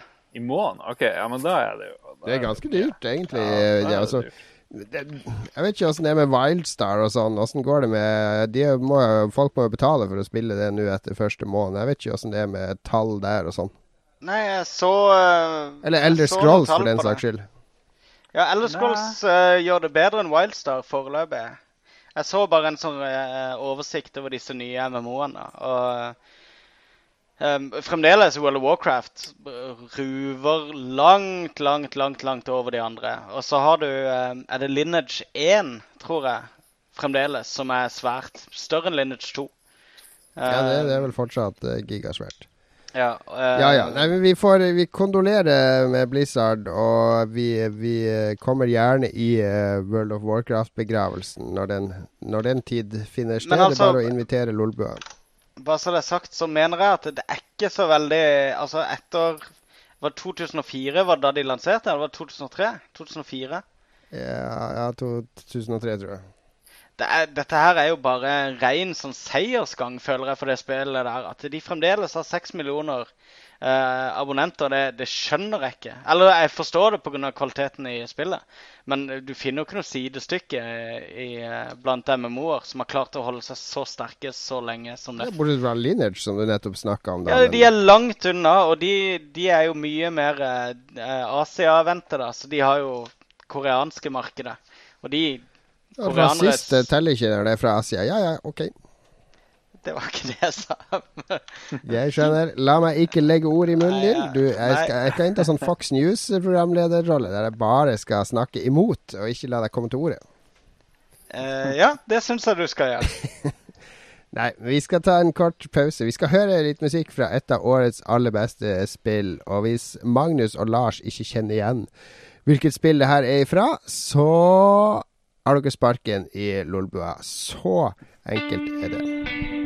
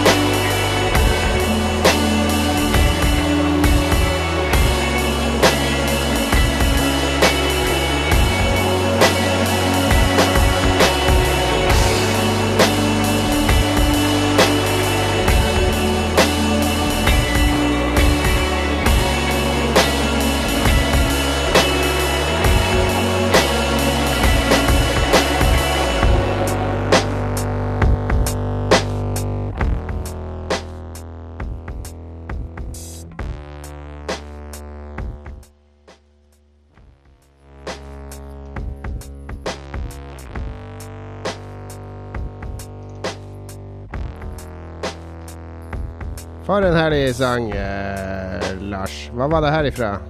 Det var fra spillet Radiator, tror jeg. Nesten. Det er, det er nesten der det er ett ord. Eh, Konfirator. ligner litt på radiator. Pirator. Det er fra Transistor. Ja, det var det det var. Transistor, selvfølgelig. Ja, nei, det er flott spill. Ja, og det er så flott musikk. Det er den samme musikeren, tror jeg, som uh, laga musikken i uh, i uh, Bastion, selvfølgelig. Og han er megaflink. Så det soundtracket kan kjøpes for ti dollar på, på Bandcamp. Det er bare å søke på Transistor Soundtrack. Darren Korb het han. Darren Korb. Veldig flink fyr. And once at bandcamp Vi, vi fikk en sånn ekstra nyhet fra vår venn Jan Christian Hegel på Twitter her med at Casey Hudson har slutta i BioWare. Uh, Casey Hudson er som kjent mannen bak Night, uh, Nights of the Old eh, Republic, det gamle rollespillet, pluss Mass Effect-trilogien. Mm. Uh, Så Jeg har til og med intervjua han. Jeg hadde sånn eh, 15 minutters aleneintervju med han en gang da jeg var og besøkte BioWare. Ja vel. Hva han skal gjøre nå, da? Vet vi det? Nei, han begynner vel med indiespill som alle andre, tror du ikke det? Sjefene i BioWare de slutta jo for lenge siden. Han er doktoren og hva nå enn det var for noe. Han ene doktoren eh, driver bare med ølbrygging nå, så vidt jeg har skjønt. Doktor Øl. Ja. Greg. Doktor, Doktor Tuborg. Nei, skal vi, har vi flere lytter... uh, vi har vel fått inn en del uh, lyttere som har hatt sommerferie og uh, bidratt til sendinga. Vi har spurt hva folk har spilt og gjort i sommer, og har fått vanvittig respons. Så det blir mange DAB-radioer fra NRK å dele ut her i kveld. Det blir det. Skal du begynne, Lars? Kan begynne. Lytter Kien sier han Magnus så ikke at all ut som jeg hadde forestilt meg, skrev han her i sted. Ja, han si ser det, sjelden ut som jeg forestiller meg han. Men eh, hver gang blir jeg skuffa når jeg ser han på ordentlig. Fordi jeg alltid har klær på meg, og jeg vet hvordan Ja, du forestiller deg. han alltid, jeg spør alltid om han skal dusje eller har dusja, eller hva han har på seg når jeg snakker med ham på telefon. Altid, Og så når jeg alltid, møter han, så har han klær på. Det er skuffende. Det skjønner jeg godt. Nei, jeg må bare beklage, eller eventuelt eh, Nei, jeg vet ikke. Hva ble det motsatte? Um, at eh, det er en viss sånn dissonans mellom stemme og utseende. Det må jeg vel bare ta på egen kappe. Så Jeg trodde vel du skulle se litt mer ut som Arve Tellefsen. Det var vel egentlig Kanskje det. det var nok det. Det er, litt, det er litt rart det der med sånne radiostemmer og sånn, fordi jeg husker han der Birger Vestmo, han der i Filmpolitiet. Hørte jeg på i flere år før jeg så han første gang på, på BIFF, er Bergen eh, internasjonale filmfestival. Og har alltid sett han for meg som sånn veldig høy og hengslete, sånn Leif Juster-trønder. Men så var han jo sånn liten, tjukk hobbit. Ja. Apropos Birger Vestmo, jeg kjenner noen som kjenner han, og de sier han prater ikke på radio sånn som han prater på ordentlig. Han, Ja, han har sånn skikkelig radiostemme, tror jeg. Ja, jeg tror han eh, later som veldig. Akkurat sånn som de Han har gått på samme kurset som Odd Karsten Tveit, tror jeg. For det er ingen av de som prater sånn som de, hjemme som de gjør på sending. Jo, Odd. Odd Karsten Tveit, han har jo sånn herre eh, eh, Han snakker sånn kav Stavanger eh, Sånn her misjonærbarn Ja, men det er Stavanger. diksjon, det er diksjon, og det der Ja, ja. utrolig klare maskingeværspråket. Ja, ja. Ja, det er akkurat som med de her eh, Red Crew-guttene. De er jo egentlig ikke fra eh, Stavanger eller hvor nå det er de holder på. De er jo fra Trøndelag, men de De legger er over trøndere. alle sammen. Stemmer det. Det er det Planen fra Jostein fra starten av var å få, eh, få en bit av de oljedollars. Så de var rett inn i Stavanger. Utspekulert plan. Jostein er vel svensk, er han ikke det? Ja, han er egentlig svensk. Han heter egentlig Gøsta. Gøsta Hakestad. Så han skifta navn til Jostein da han kom til Norge. det Stemmer det. Ja, hadde glemt det. snakker sånn brei, brei sånn Malmö-svensk. Veldig Ja, rart. nei, det er, eh, det er mye hemmeligheter som vi har skrevet under på at vi ikke får avslørt. Men som vi sa, før Ja. vi får pengene våre, så lekker vi litt sånn Red Crew-hemmeligheter i hvert, hvert program. Så, så er det bare å komme. Vi har masse mer på lager, Gusta. Så her er det bare å bla opp. Vår, eh, vår eh, gode venn og lytter Jan Christian Hegel eh, har rapportert fra sin sommeraktivitet. Han sier at det mest minneverdige var ikke selve Destiny-betet, men da Bungie åpna månemissionet eh, som ingen visste om. Og man kunne gå gjennom månen med en venn og utforske det og finne golden chests. og drive og styre. Han eh, måtte også spille det uten partychat, så de måtte bare peke og skyte når de skulle liksom vise hvor de skulle gå. Kanskje dansa de òg litt. Eh, så en veldig bra gif av en fyr som driver og danser mens kulene bare Laserstrålene bare går liksom bommer overalt og bare treffer det. Den er, den er litt nice. Ja, skal vi Og, eh, benytte Destiny denne har jeg vel spilt. snakke litt om Destiny-betaen? For vi har vel prøvd den alle tre? Nei, Ja. vet du hva? Det var smertelig å gå glipp av. Det var kjipt å sitte på en Xbox 360 i sommer, skal jeg si det. Ja, det Med det det, tre koder til Xbox One-versjonen. Du har ikke Xbox spilt Destiny, hallo? Jeg har sittet med tre koder. Jeg har delt ut koder til kompiser, jeg, for det at eh, jeg har ikke kunnet bruke de sjøl. Det har Og jo en jeg- til våre lyttere òg, gjorde du ikke det? Uh, jo, jeg delte vel ut en uh, Jo, det gjorde jeg faktisk. Det var sjenerøst. Men, det, det det, men det er jo Jeg har jo vært skeptisk til Destiny før, men jeg må si jeg ble, jeg ble litt blown away av hele greia. For det minner meg om Det er sånn Fantasy Star Online møter Halo møter Borderlands. Altså, Jeg tar med den Fantasy Star Online òg, fordi du har den der lobbyen som alle skal møtes i, denne den basen der du oppgraderer utstyr. Og du har masse, masse gear med stats og ting og tang. Jeg syns det var helt fantastisk. Det var utrolig kult. Ja, jeg, var eh, sånn som du, skeptisk, men og jeg er ikke noe stor eh, Halo-fan bort fra Halo 1. Og det var sinnssykt bra. Det var jo veldig gøy at uh, vår venn Mats han driver jo og flytter fra Trondheim og har ikke sted å bo, så han har flytta inn her. Så vi har to eh, svære plasma oppe i stua her. Og når han eh, ikke er på Nordsjøen, så skal han være her og så skal vi game litt. Og tilfeldighetene ville ha det til at han kom akkurat da Destiny-betaen begynte. Det er jo perfekt. Så vi hadde, Det er jo helt vi hadde det fantastisk morsomt med å sitte og knuse gjennom eh, Og betaen. det, det er bare var- fire uker til spillet kommer. Ja, det er nei, det er fantastisk. Nei, det er, eh, jeg har vel sagt at Heartstone var min favorittspillopplevelse hittil, men nå er det Destiny. Nei, Det var helt stram. Men det var også har mye med design å gjøre òg. At det var alle de ruinene og det kalde krig-gufset og eh, i Russland du for og tråkka. Jeg var aldri på månen, for jeg fikk bare spilt det en kveld. Men jeg, spil, jeg spilte, og så lagde sønnen min på 13 en karakter og spilte, og han også Han er ikke noen shooter-fan i det hele tatt. Men han liker Borderlands, og han syns det var superkult. Så det her eh, Ja, jeg Ja. frykter det må en PlayStation 4 til i huset, så han, jeg og han kan spille sammen. Ja, Det uts utspiller seg som, som et MMO-spill, hva? Det er Nja Ja, alt ja. det Du jeg får har sett fra det level, og du får lut, og det er, det er mer Borderlands enn MMO. Ja, men sånn er det ikke Er du ikke Du trekker mer for, eh, fordeler og, um, fra klasser, gjør du ikke det? Det er viktigere hvordan du bygger klassene dine og sånn. I, Ja, det er eh, sånn der eh, instance som skjer, at det Ja. kan plutselig dukke opp en sånn svær en, og så alle som er i nærheten, kan gå sammen om å bekjempe den bølgen av fiender. Men det kommer jo De har jo for- De annonserte jo nettopp endgame også til spillet.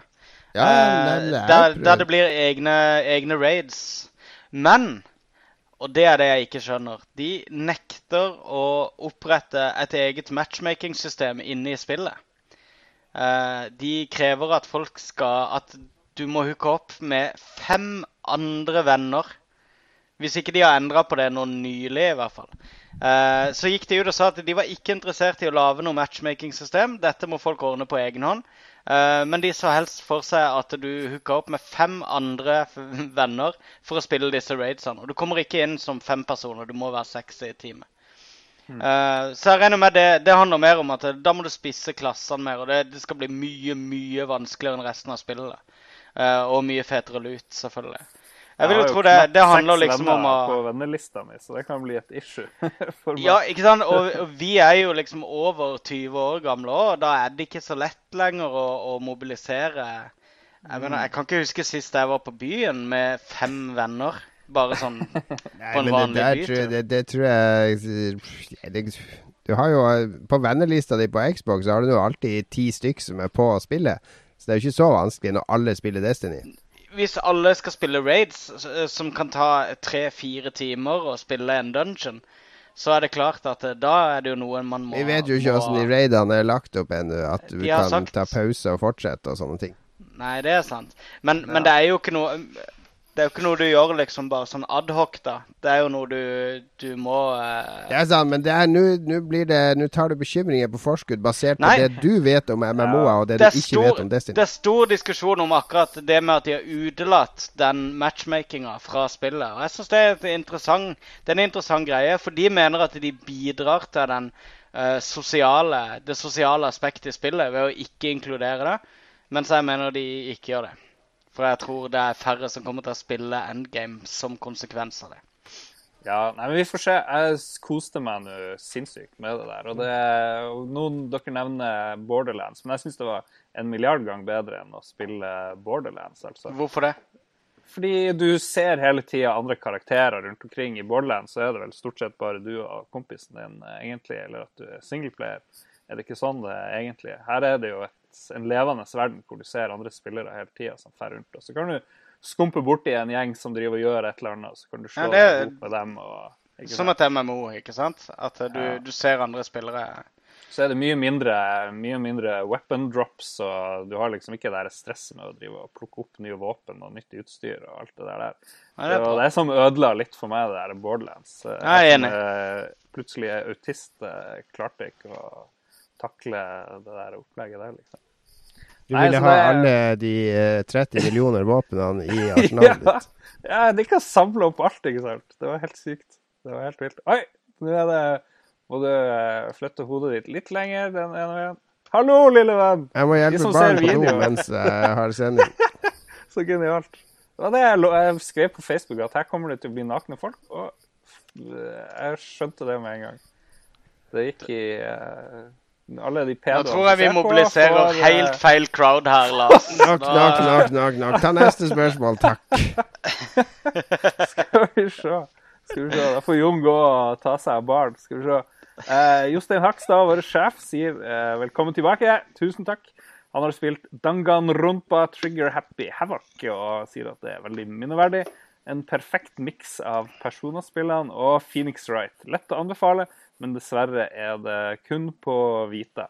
Jeg vet ikke, jeg spilte en del Danganronpa, men jeg klarte ikke å fullføre det, for det ble litt for krevende. Det var jo sånne endgame-greier, blant annet hvor det var plutselig sånn rytmebaserte Det var nesten sånn eh, Dance Dance Revolution, hvor du måtte liksom ta til høyre og venstre, opp og ned, i tillegg til de her Phoenix Wright og de her eh, adventure-elementene. Ja. Jeg vet ikke, måtte, Det var noen sånn kule som kom hit og dit, og du måtte sende sånn truth bullets. Så det ble veldig kaotisk. Jeg syns spillet kunne klart seg uten akkurat de der eh, villeste elementene. Jeg vet ikke om du spilte det, Magnus? Nei, aldri. Dessverre. Ja. Men det er sinnssykt god stemning i det spillet. da, og Det er bra musikk og veldig morsomme karakterer. Det, Ja. Men det er kanskje litt for over the top. Ja, så kom jeg på at du må lage tegneserier på slutten. Det er som om spillutviklere har liksom gått gal i elementer i det spillet. Plutselig må du, for du skal oppklare et eh, mord, ikke sant. Og hvis, Ja. man ikke, hvis morderen klarer å eh, unnslippe, så dør alle. For det handler om en stor gjeng som- blir eh, putta inn i en skole, og så begynner det å skje drama ikke, og ting. Og så er det ett mord per episode. Hvis, eh, hvis man klarer å drepe noen, hvis noen av de andre karakterene klarer å drepe noen, og ingen oppdager det, så får de leve, og alle andre dør. Eh, og hvis ingen oppdager hvem som Ja, og hvis de tar feil morder, så tror jeg alle dør i tillegg. Så det er, det er ganske intenst, uh, intens stemning, men jeg klarte ikke helt å fullføre det. Men går det på ti eller noe? Nei, egentlig ikke eh, som jeg husker. Du går nå og trør rundt, og når du har plukka opp alle clues som finnes, så går vel handlinga videre, hvis jeg husker rett. OK. Uh, ja. Men jeg anbefaler det, da, hvis folk er dødsglad i personer og Phoenix Wright. Så ja, lett å anbefale, men det er ikke for alle, da. Det er det ikke. Nei, jeg er jo stor Phoenix Wright-fan. Eh, jeg har ennå ikke somla meg til å eh, ramle innom Persona-universet, men jeg Har du skjønner jo at Vita? Nei, det er det jeg ikke har. Ja, nettopp. Ja. Eh, Jeg har verken en Vita eller særlig eh, vilje til å spille så veldig mye håndholdt. Så, så, Å ja. så det begrenser seg sjøl. Ikke 3DS engang? Nei, jeg har en 3DS, men jeg, jeg, spiller, jeg spiller håndholdt når jeg reiser. Og uh, nå har jeg liksom iPaden også med meg, og jeg har en del Mm. sånn har liksom en del litt mer sånn litt tyngre prosjekter på gang på iPaden da, som typisk tar opp eh, plassen. Men eh, det er nok bare et stadie. Jeg har spilt mye, mye håndholdt opp igjennom. Du er symbolet på hvorfor Vitaen går under. Det er liksom, du har nok med iPad og iPhone, egentlig. Altså, den dingsgeeken i meg har kjempelyst på en Vita, fordi han er blank og fin å se på og kan, kan gjøre ting. Eh, så jeg har lyst på en Vita. Jeg har bare ikke så lyst til å betale så mye penger for han og kjøpe spill til han. Uh, derfor så blir det med, med iPad inntil videre på den håndholdte, Ja. tenker Jeg skjønner. Jeg driver og spurte Magnus om han hadde spilt Danganronpa. Det hadde han ikke. Men jeg, jeg klarte ikke å fullføre det. Har du gjort det, Jon? Nei, jeg har ikke fått spilt det. Men det, det er kun Vita, hæ? Det er kun Vita. Ja. All right. Uh, Andreas Røise Haakensen har også spilt uh, Destiny Betaen. Og han spilte den på PS3, og han var lite imponert. Uh, han sier ikke at spillet var dårlig i seg sjøl, eh, men han hadde forventa noe mer og ble ikke blåst av banen. Det føltes som nok et eh, skytespill. Og der er vi andre uenige. Sånn er det. Det er ikke for alle. Jeg lurer på hvilke andre skytespill han liker, han Andreas. Tja, ja, jeg, tror nok det har litt å si hvor mye han har teama med andre, og liksom hvor mye du har følt på, Mm. uh, på hva spillet har å by på. da. Det er vanskelig å si. Vanskelig å si. Jeg tror det er mye bedre hvis du spiller med andre. Da. Det tror Jeg jeg. har jo ikke spilt det sjøl, så jeg er fremdeles skeptisk. Kenneth Limmesern sier at han ble tvunget til å spille Phoenix Wright på Nintendo DS, men det var verdt det, og han er hekta på serien nå. Ja, det er bra. Ja, ja. Og akkurat nå spiller han Kingdom Hearts 1.5 på PS3. Men vet du hva, Kenneth? Det er bare å legge fra seg Kingdom Hearts og finne frem alle Phoenix Wright-spillene som er sluppet, og eh, eh, Hva heter de der andre? Det var et eh, Miles Edgeworth-spill og et eh, Mm. um, Hva heter det andre spin-off-spillet, Jon Cato? Hva da? Eh, Det er Phoenix Wright? ja, han er assistenten til Phoenix Ja, Wright. Apollo Justice. Apollo. Justice, ja. Det er jo dritkult. Uh, og så freser du gjennom alt av Phoenix Wright, for det er virkelig verdt det. Uh, hvis du liker den type spill, så vil jeg oppfordre til å fullføre. Ja, de er megakule. Og de fins også til, til IOS, faktisk, tror jeg. Ja. Alle spillene. Jeg har alle sammen på IOS. Jeg runda alle der faktisk om igjen, og jeg spiller veldig sjelden spill om igjen. Uh, en god idé. Kjempegod idé. Og spillene blir bare bedre. Altså, Det er ikke sånn at Phoenix Wright 1 liksom var det beste, eller noe sånt. De, de øker i kvalitet hele veien. De kommer opp med nye, fete gameplay-elementer. og Og Smarte, hvis, smarte, noen, smarte spill. og hvis noen ikke vet hva Phoenix Wright er, så er han en Ja. advokat, og så må han drive og lete etter clues når det har blitt begått en, eh, et mord, gjerne. Og så må han i rettssaken og drive og eh, forsvare sin klient eller seg sjøl eller whatever. Og så er det veldig mye sånn her kaos, det er veldig mye drama tullete ting som skjer, og sinnssykt morsomme karakterer. Noen av de beste karakterene i spillhistorien må jo befinne seg i det her Phoenix Wright. Så er det veldig bra oversatt. det. Det er jo kanskje en av Ja. de viktigste tingene. Akkurat som Earthbound. liksom. Det har blitt en sånn helt genial eh, oversettelse. Ja, helt enig. Helt enig. Kjempebra oversatt. Og uh, det er tydelig at de til og med harselerer med dårlige oversettelser i oversettinga, og det s forteller oss nivå de ligger på. Men uh, ja. Gode spill. Godt, godt. Koselig spill. Anbefalt. Greit. Neste er det han Fam Fampar 9. Hvem er det? Fampar9 på eh, Twitter har sagt hallo til oss. Eh, Han har vært i Skagen i Danmark. Jeg husker jo med glede eh, gamle ferier i Danmark. Det var ifølge mamma bare dårlig vær, men jeg husker det som helt eh, genialt. Hvor jeg kunne få lov å sitte og gire mens faderen kjørte rundt. Det var flott. Men eh, Ja, det er lov i Danmark. Det, det står i danske veitrafikkloven at barn kan gire hvis far kjører. Det Eh, er så flatt, så det er bare la barnet Bønnen kan gire. Det går Hvis det var- er for full, så, så er det det- greit å gire. Så var det problemet. Jeg husker vi fikk punktering, så skulle vi dra og kjøpe sykkelkogle. Men det var ingen som skjønte hva det var. OK. Ja. Eh, han klarte å bli solbredd pga. sin sarte hud. Han fortsetter. Han lurer på om det er noen spill vi hater, men som nesten alle andre elsker. Hmm. Åh, jeg, jeg har et ganske uh, bredt spekter av spill jeg hater, som, som mange elsker. Så det er egentlig bare å begynne, egentlig. Men nei. Det har du Eh, jo jeg, jeg for så vidt i musikk og TV-serier og film òg, er det ikke Ja. slik? Jeg ser et mønster her. Nei, jeg gjør det ikke på trass. Jeg gjør det ikke Ja, på nei, trass. Okay, men ok, det er ikke på trass. Ok. Nei, men å, Hør han. Hør han! Hør sarkasmen! Eh, Fox News, Jon. Fox News, Jon her. Ok, News, ikke trass. Jeg skjønner. Ja. Så Yes, er Hamas en terrororganisasjon? ja, jeg så den her òg. ja, det kan du spørre om. Gi meg noen eksempler, da, siden du Ja, Nå har du ja. hypa veldig dine okay, kontroversielle syns- meninger. Uh, uh, jeg liker vel strengt tatt ingen Castlevania-spill.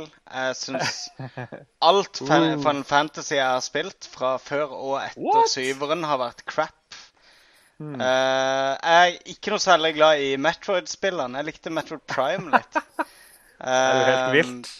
Jeg syns Mario er kulest i 3D. Jeg er egentlig ikke Jeg, jeg har vært litt tilbake på gamle 2D-Mario. Jeg trives ikke i den verden der lenger. Så eh, hat er så strengt ord, men, men jeg misliker eh, 2D-Mario-spillene, må jeg ærlig innrømme. 3D. Uh. Eller Nei, 2D. Jeg elsker de i 3D. Å ja, du liker Ja. ikke 2D? Ja, Nei, jeg er ikke noe stor fan. Um, Nå koker det i Spill-Norge. Nå driver folk og Er det, ja, men er det, er det noen andre, er det noen andre sånne hellige kuer jeg prøver å tenke på nå? Eh, nei, ikke som jeg kommer på akkurat nå. Men uh, hvis du liker det, så lir jeg det sannsynligvis ikke.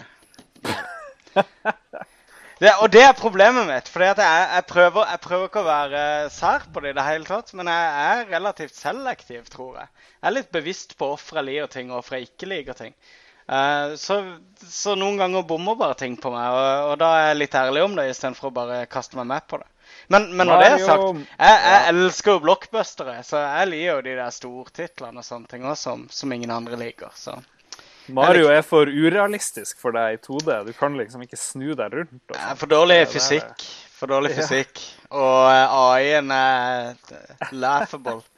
Nei, nei, men eh, altså, det er ikke at jeg Jeg skjønner jo eh, Jeg kan spille Mario i 2D og, og, og se kvaliteten og se hvor intelligent bygd opp det er og, og gjennomført det er, men jeg, jeg trives ikke noe særlig med det. Og det må en kunne være åpen om. Det er greit, det er greit. greit. vet, Det var en eh, bra rant. Ja. Jeg likte den. Nei, dette var ikke noe rant.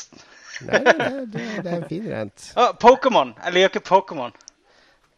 Yes. Uh, ja, da er vi vel ferdige. Eller eh, nei, dere har vel noe, da? Kanskje å by på? Nei, jeg har ikke så mange. Jeg er ikke noe glad i Assassin's Creed, for eksempel. Men det er ikke eh, jeg, jeg er eh, eh, Hva var det jeg tenkte på? Det Sonic, for eksempel. Jeg hater jo Sonic. Ja. Han er helt patetisk. Han har alltid vært patetisk. Sonic, ja, OK. Ja. Du likte det der Nights, eller hva farsken det Det heter. likte jeg. Yuji Naka lager masse kult, men ikke Sonic. Mm.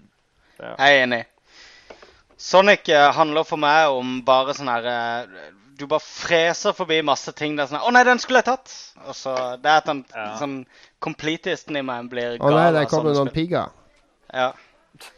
nei, Jeg jeg har aldri skjønt det her Sonic-spillene. Det, Nei. det greit. Ja. Har du bare Sonic å by på, Jon? Tør du ikke å si hva du egentlig Eh, mener? ja, jeg sa jo Assassin's Creed er ikke jeg noe glad i, og så eh, Ja, altså, jeg, jeg, jeg hater Jeg syns Gears of War 1-3 er skikkelig kjedelige.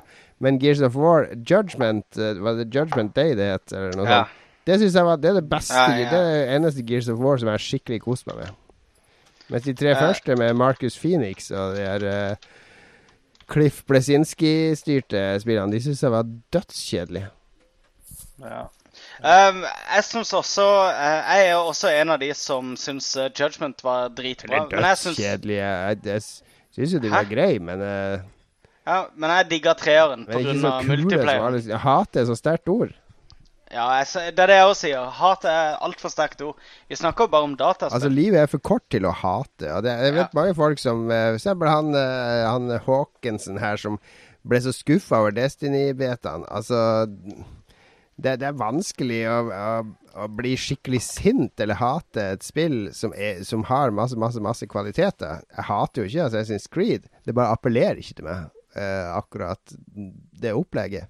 Det samme med Gears of War. Det er et eller annet der som ikke appellerer til meg. Ja.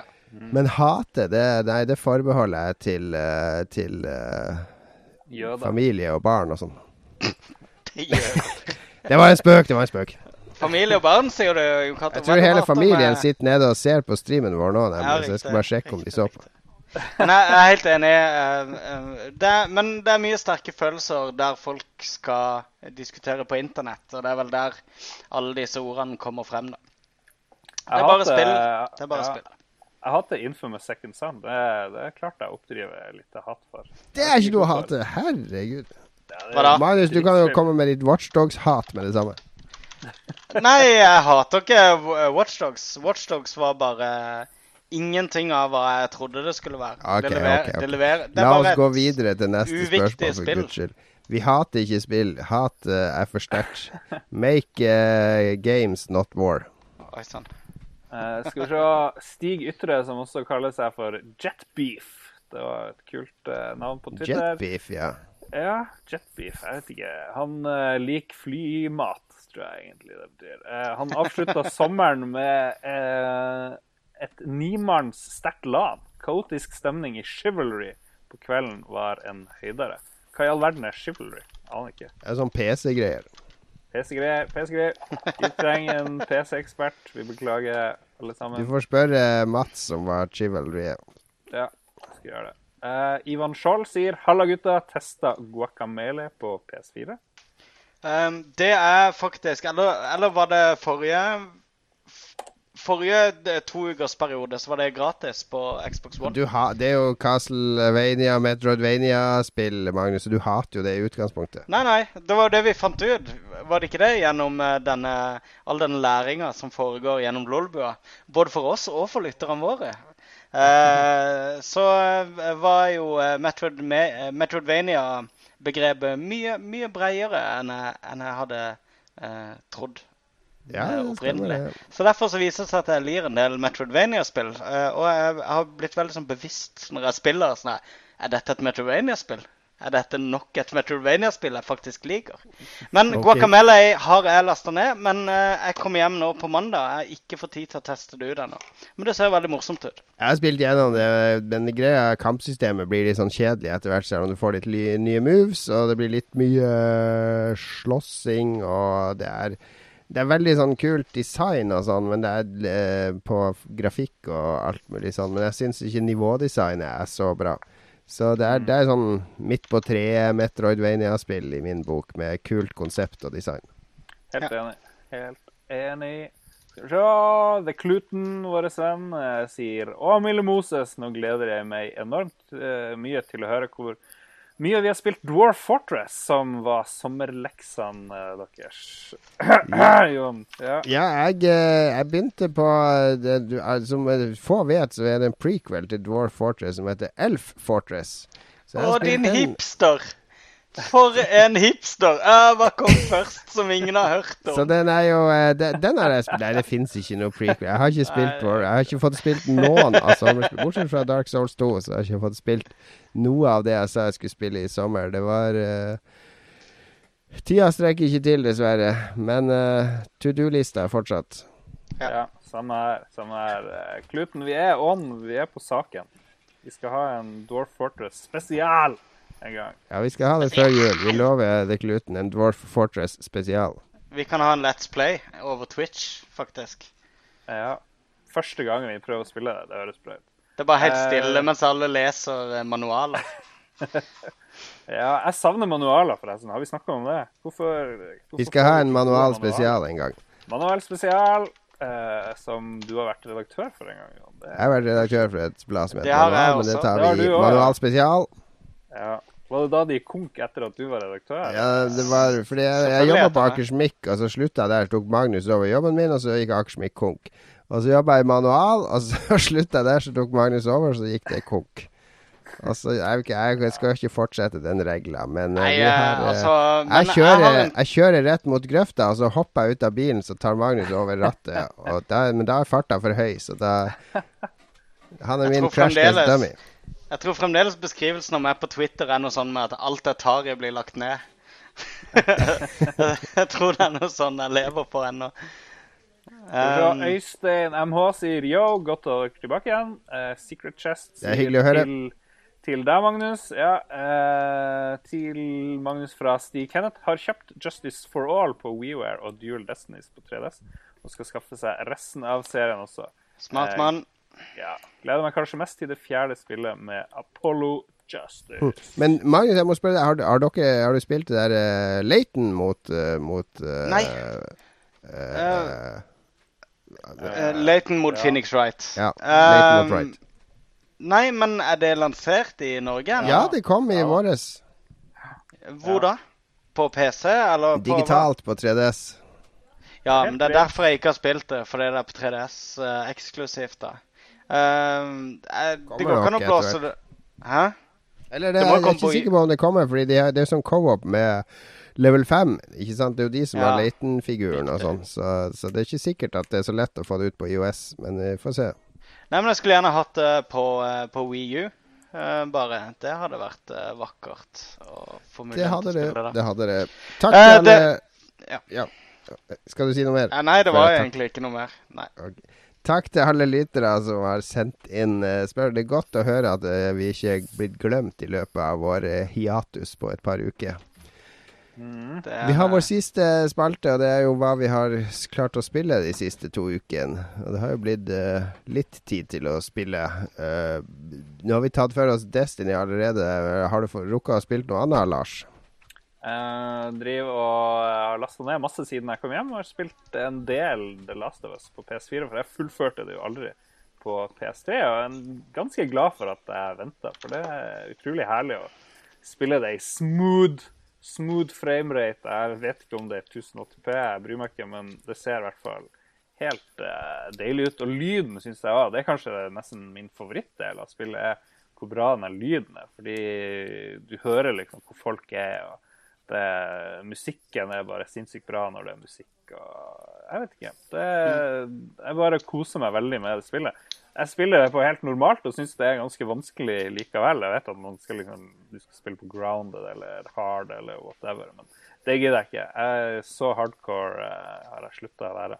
Men eh, eh, anbefaler det i 1000, ganger 1000 poeng, eh, for å si det sånn. Jeg driver nå og oppgraderer min rifle og har nettopp fått eh, bra, veldig bra kikksikte, og det begynner å bli stabilt. Så jeg driver bare pop, pop som, som clickers, som bare det. Veldig morsomt. Men har du kommet til når de reiser til månen nå? Ja, månen er dritbra. Da blir det Coop. Så da er det helt Det er kult. det er kult. Jeg har da fem timer i det spillet foreløpig, eh, etter at jeg kom hjem. Eh, så Du la har oss ikke kommet til månen ennå? da? Jeg har ikke kommet til månen ennå. Jeg gleder meg veldig til månen. det er bare en falsk spoiler. Nå, nå tuller jeg med de her. Tenk å ikke ha runda. Tenk jeg sitter her med to folk som ikke har runda det som alle sier er fjorårets beste spill. Men jeg trodde Ja, ja. det skulle være Jeg trodde det skulle være et skummelt spill. Det var greia for meg. Det er ikke skummelt, det er Nei, det var ikke noe skummelt i det hele tatt. Ja, det var litt guffent. Eh, men jeg, jeg, håper, jeg håper dette er et sånn type spill Jeg har spilt i fem timer, da. Eh, bare sånn til sammenligning med Lars. Eh, og jeg håper litt at, eh, at eh, storyen skal bære spillet. Jeg syns gameplay-messig så er det kult, men det er ikke noe sånn her second coming of Christ gameplay-messig. Men gameplay er jo taia inn til storyen. Altså Den brutaliteten og volden og alt du gjør og må gjøre, og hvor brutal du er mot Ja. de monstrene og skurkene og sånn, henger jo sammen med hvem den figuren er. Det er ikke noe sånn dissonans der. Det er jo det som er så kult med det spillet, at de er så tett knytta opp mot hverandre, og bakgrunner og omgivelser forteller små historier hele tida. Det, er- det, er- briljant designa. Jo, Det jeg ser den, jeg ser den. Ja, det som irriterer meg litt, det er når spillet sånn scripta sender fiende etter deg. Når du går forbi en sånn usynlig strek, og så plutselig så pøser du på med fiender. For jeg prøver jo å snike og liksom være usynlig, og det går ikke bestandig når eh, Og har oppgradert maks det her lyttetingen, og det er jo genialt å drive og lytte en halv kilometer og finne ut nøyaktig hvor alle er, så du kan planlegge ruta di. Det funker bra. ja. Jeg har jo da fem-seks timer inni det, så jeg skal ikke si for mye om Jeg har ikke spilt remake remaken ennå, men jeg har uh, lasta det ned, så jeg skal se om jeg får tatt en titt på det neste uke. Men eh, det høres bra ut. Det høres eh, voldsomt bra ut. Har du noe annet å dele, Lars? Uh, ja, lasta ned det her uh, The Road Less Taken, eller hva det heter. Ukens gratisspill på PS4. Det virka helt OK. Jeg vet ikke om jeg hadde giddet å betale noe for det. Og så har jeg spilt en del Steamworld Dig, eh, som plutselig var på noen summer sale. Og det syns jeg er veldig gøy. Det har nettopp fått meg sånn teleporteringsting, sånn at jeg slipper å liksom gå opp og ned. For du graver deg jo bare ned og ned og ned, og så skal du Det ligner, ligner litt på det her Spelunky, eh, egentlig. Men ja, det er Steamer League er dødskult. Det er svenskprodusert, utvikla spill. Jeg mm. Spilte masse på 3DS-en. Ja, jeg vet ikke. Det er jo I fantasy-litteraturen så er det jo dvergene som bor under jorda. Men jeg vet ikke. Hva er det som gjør at sånne grav, gravespill er så gøy? Liksom, driver, er det fordi du explorer og samler inn ting? Jeg tror det er exploringa som er ja. uh, Jeg tror det ligger en dverg i oss alle, egentlig. Vi har lyst til å grave oss ned. Ja. Ingen skam å grave seg ned i tide og lytte til erfarne fjellfolk og snu før man kommer for langt. Er det ikke det det heter? Ja, jeg tror det. Noe slikt. Jeg har ikke fått spilt så veldig mye. Jeg har vært i Spania, og der spilte jeg Kaptein Sabeltann på, på IOS som Ravn Software har laga, for de laga et ganske ræva Kaptein Sabeltann-spill for et par år siden på DS. Ja, uff, uff. Der du skulle være Pinky og gå rundt, og det var rimelig kjedelig. Men nå har de laga et som er inspirert av Pirates, der du får seile rundt og ha kanonkamper mot uh, randomme skuter og utforske. Og det er faktisk ungene syns var kjempe, kjempe, kjempe, kjempe, kjempeartig. Det er et av de beste Sabeltann-spillene jeg har spilt. Så to, to tomler opp der for bra utført jobb. Og det er litt morsomt, fordi når jeg anmeldte det forrige spillet Du skal ikke jeg på meg sånn ære, da, men da sa jeg jo at eh, Da får du bare gi, og gikk rundt i den der havnebyen til Kaptein Sabeltann som Pinky og skulle gjøre leite etter ting for folk. og du fikk aldri lov å seile ut med den skuta, og det er jo det som er kult med Kaptein Sabeltann. er jo, Hvis du skal lage et spill, så må du være, få lov til å seile den skuta og utforske og dra på skattejakt og sånn. Skrev jeg i anmeldelsen for en missed opportunity det var. Og når de lager akkurat et sånt spill som er akkurat det jeg klagde på at det forrige ikke var, da. Så, ja. så det er jo Jeg håper de ikke lager spill til meg, da. Det får jeg håpe, men uh, Jeg tror de hørte på min kritikk som var regelrett var at spillet var drit, eh, og så prøvde de å lage noe bedre. Kanskje de har tatt Høres ut som vi har tatt tak i det, i hvert fall.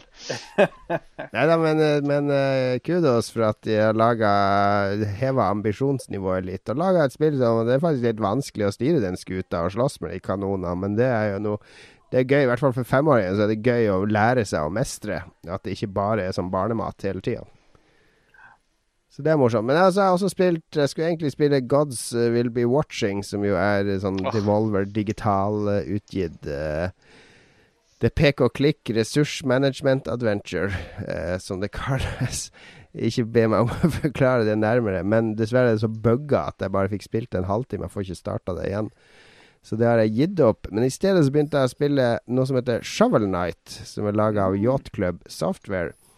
Det er, det er basically De har laga drømme-Nes-spillet sitt, for det er sånn Nes-grafikk og Nes-palett og Nes-musikk og alt mulig sånn. Eh, bare med mye smoothere. Det er jo 60 frames og, og Minner litt om Ducktales på et vis, gjør det ikke det? Det ligner litt på Ducktales. og den hoppinga til onkel Skrue med stokken, mm. bare med en spade mm. her. Men det er, det er megakult. Det er akkurat sånn bra designa som du drømte om at brettspill burde være på i gamle dager. Men det var liksom ingen brettspill som var så bra designa som det her med så kule bosser. Det er litt sånn Castlevania i det, men det aller mest er jo sånn klassisk eh, Ducktales, hoppe fiender og utforske.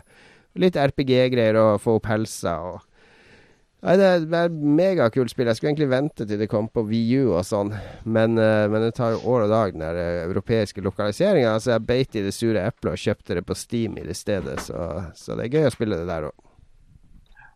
Ja, jeg, jeg trodde det hadde kommet på VU, men det er bare USA. da USA, ja, men de har en sånn webside. De er utrolig flinke til å dokumentere det de gjør, de folka nå. De har mange artikler på Gamasutra og sånn om salg av spillet og alt mulig. De er dødsflinke å skrive, og skrive morsomt og, og forståelig. Men de har en, en side der de, de, måler progressen for den europeiske versjonen, da, og alle sånne hinder de må over. Og så står det sånn knekt ved, ved det hinderet de er ved nå, da.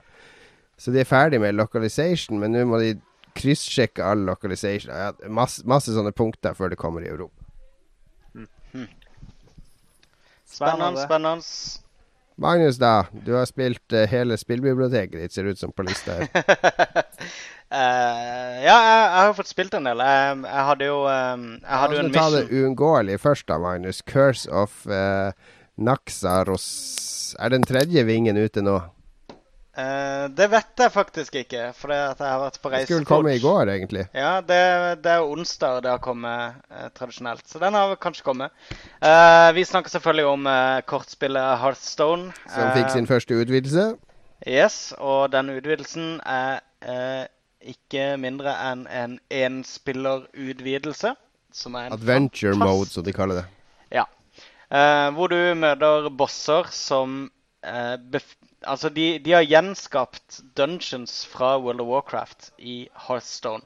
Eh, hvor du møter disse bossene og, eh, eh, og en helt ny stokk. Er det ikke tolv nye kort? Ja, de har, eh, de, de har sånn unike spesialpower. Sånn sånn Summonen ja. 4-4-vesen med to mana eller noe sånt. og de er, helt, de er, så kule. Jeg digga å spille mot disse her bossene. Fordi de hadde mulighet til å bare ta hele gameplayet som du kjenner det. da uh, via den versus-greia. Og bare, det bare sklir totalt ut i en sånn herre uh, For det, det, det, handler bare om deg mot de. de. de. trenger ikke sette regler som skal gjelde for millioner av spillere som skal spille mot hverandre. Så det, de har så mye mer frihet i et sånt enspillerunivers. da. Og det, jeg føler det har vært veldig vellykka. De har også noen sånne her, uh, class challenges, uh, hvor du spiller uh, du får utdelt en klasse og et ferdig sammensatt dekk som ja, ja, ja. du skal møte bossen med og ta den med. Som også har vært dritgøy. Ehm, jeg sliter litt på Heroics foreløpig. Som er en sånn superduper vanskelig. Ja, jeg sliter litt på den foreløpig, men uh, jeg jobber med det. Men uh, ja. Jeg har jo selvfølgelig spilt det, og jeg har spilt litt Broken Sword Part 2, som omsider ble sluppet på uh, IOS etter mye bitching fra publikum. Uh, den var OK. Men på, okay. jeg har, det jeg egentlig har gjort i sommer, har vært å spille Xbox 360. Uh, eh, hvor jeg skulle runde en del gamle sånne Reinværstad-spill. Ja, det vet vi. Ja, Så jeg fikk uh, runda The Witcher 2. Jeg fikk runda uh, XCOM Enemy Within. Nesten. Jeg kom ikke helt gjennom det, men det skal jeg nok klare.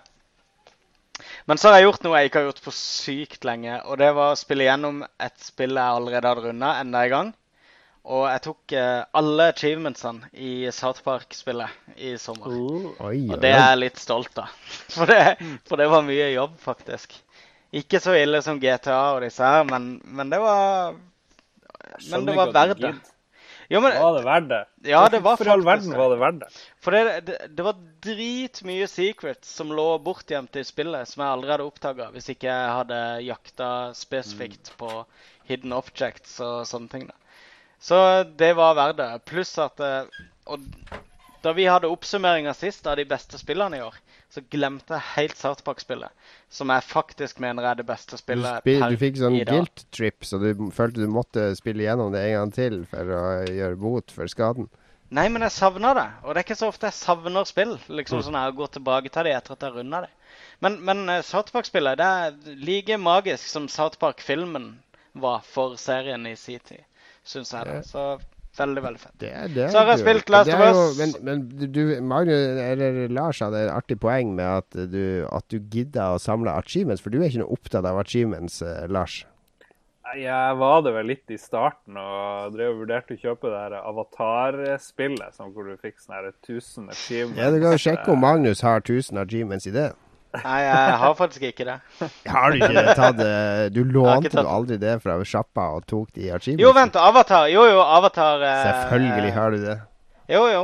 Uh, jeg tror du tenkte på uh, Camerons avatar. Nei, det er Airbender-spillet. Ja, Airbender. Ja, ja, ja. Det har jeg, det, det har jeg tatt tusen av tusen på. De lytterne som ikke vet det, så er det sånn spill der du bare kan stille deg i et hjørne eller noe sånt og stå og trykke på en knapp, så får du 1000 achievements. Uh, du, tar det på, du tar det på tredje nivå i tutorialen. Da bør du ha 1000 av 1000. ja. det, det, er veldig enkelt. Men, Men jeg jakta jo Jeg jakta jo veldig aktivt på achievements en liten periode. Eh, mens jeg Du jobba i er glad i de fortsatt, bare innrøm det. Jo, men nå eh, spiller jeg ikke like mye og like intensivt som jeg Jo, gjorde. men du det- tok tusen i South Park. Det må jo ha vært noe som drev deg. Ja, jeg. vet det. Det er jo det jeg sier. Dette var det så spesielt. At jeg liksom kom tilbake til den der fordums-samlemanien min, da. Som jeg ikke har, eh, Mm. ikke har fått ut Eller ventilert før nå i sommer, da. Så det var Det gøy. er sånn, det er sånn klapp på ryggen som du føler du får. Jeg gjør det. det er tusen og tusen. Det er, noe, det er en viss sånn orden over det. Sånn peace Det er- of mind Hvis du hadde å jobba på fullføre. McDonald's, hadde du vært han som hele tida gikk for den der Employee of the Month. Og få Ja, ja, bildet ditt, eh, achievementen din, oppe på veggen den måneden. Ikke en pommes frites left behind. Det er liksom Alle skal være med i alle menyer og Ja, ja. Jeg husker jeg, da, da eh, Xbox 360 først kom, og da var det gøy med gamerscore. Og så kom PlayStation 3 litt etter det, og da hadde den de her trofeene. ja men det var to år seinere eller noe. Ja, men de her jævla trofeene virker så uendelig mye mer meningsløst. For det, jeg skjønner ikke det. Og Gamerscore er greit nok i min hjerne, for da er det, du har poeng, og du samler dem opp. Men det er et gull og platin og I, i, eh, I USA så har de innført noe greier for uh, uh, at du får rabatter i storen ut ifra hvor mye achievement-poeng du har uh, jobba opp. Og da så jeg at den her, eh, maksnivået ligger på 70 000, så jeg har jobba litt for å nå over 70 000. da. Men det har jeg klart nå, da. Så- Ja vel. Hæ? Jo, jo, det, det er Gratulerer. Det høres jo smart ut, men uh, ja. Greit nok. Sånn er det. Nei, jeg Jeg har, har spilt, jeg har spilt mer ting, men Hæ? Vi har jo en felles venn som heter Jimmy, som har Han er vel over 250 000 nå. Ja, har. Skjønner at du vil runde av, Jon. Må du på do, er det? Eller skal du ned og treffe de 30 slektningene Det er folk som har lyst til å legge seg. Jeg sitter midt i ruta for å gå og pusse tenner og, og sånne ting. Så jeg tror jeg blir jaga bort snart hvis vi ikke gjør Når er du tilbake i eh, Når får vi sending fra um, østkanten? Oslo øst? Ja, fra neste Igjen, uke eh. så blir det tilbake til normal. Da blir det vanlige Lolbua-kontoret åpna. Neste uke skal vi også begynne å se på vår nye nettside, gutta, og relansere Lolbua Ja. i, i ny eh, og herlig prakt med masse nye ambisjoner. Det må vi snakke om eh, i, fram til og med neste sending. Men fra og med skal vi sette oss som mål at i Lolbua 40 så skal vi relansere sida denne uka.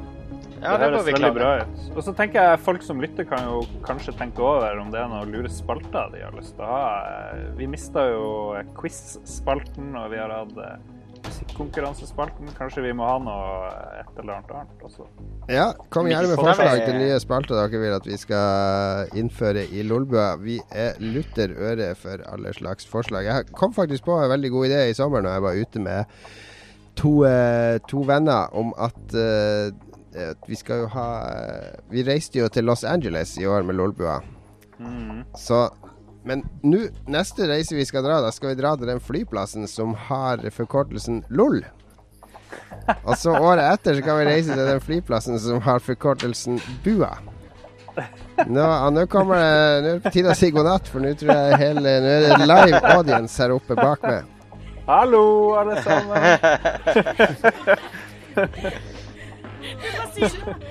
Hallo, der er for... Vi vil gjerne hilse til alle nede i stua her eh, på Ja, ja, ja. ja.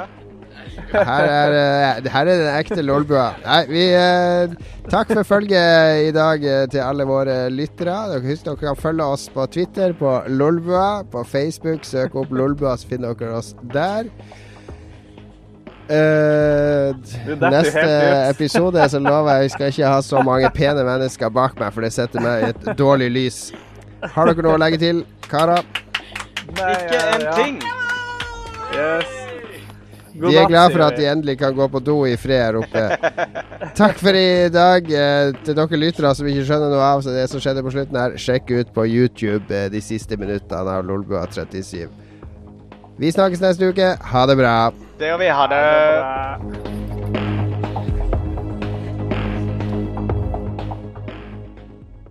Har du et enkeltpersonforetak eller en liten bedrift? Da er du sikkert lei av å høre meg snakke om hvor enkelt det er med kvitteringer og bilag i fiken, så vi eh, gir oss her, vi.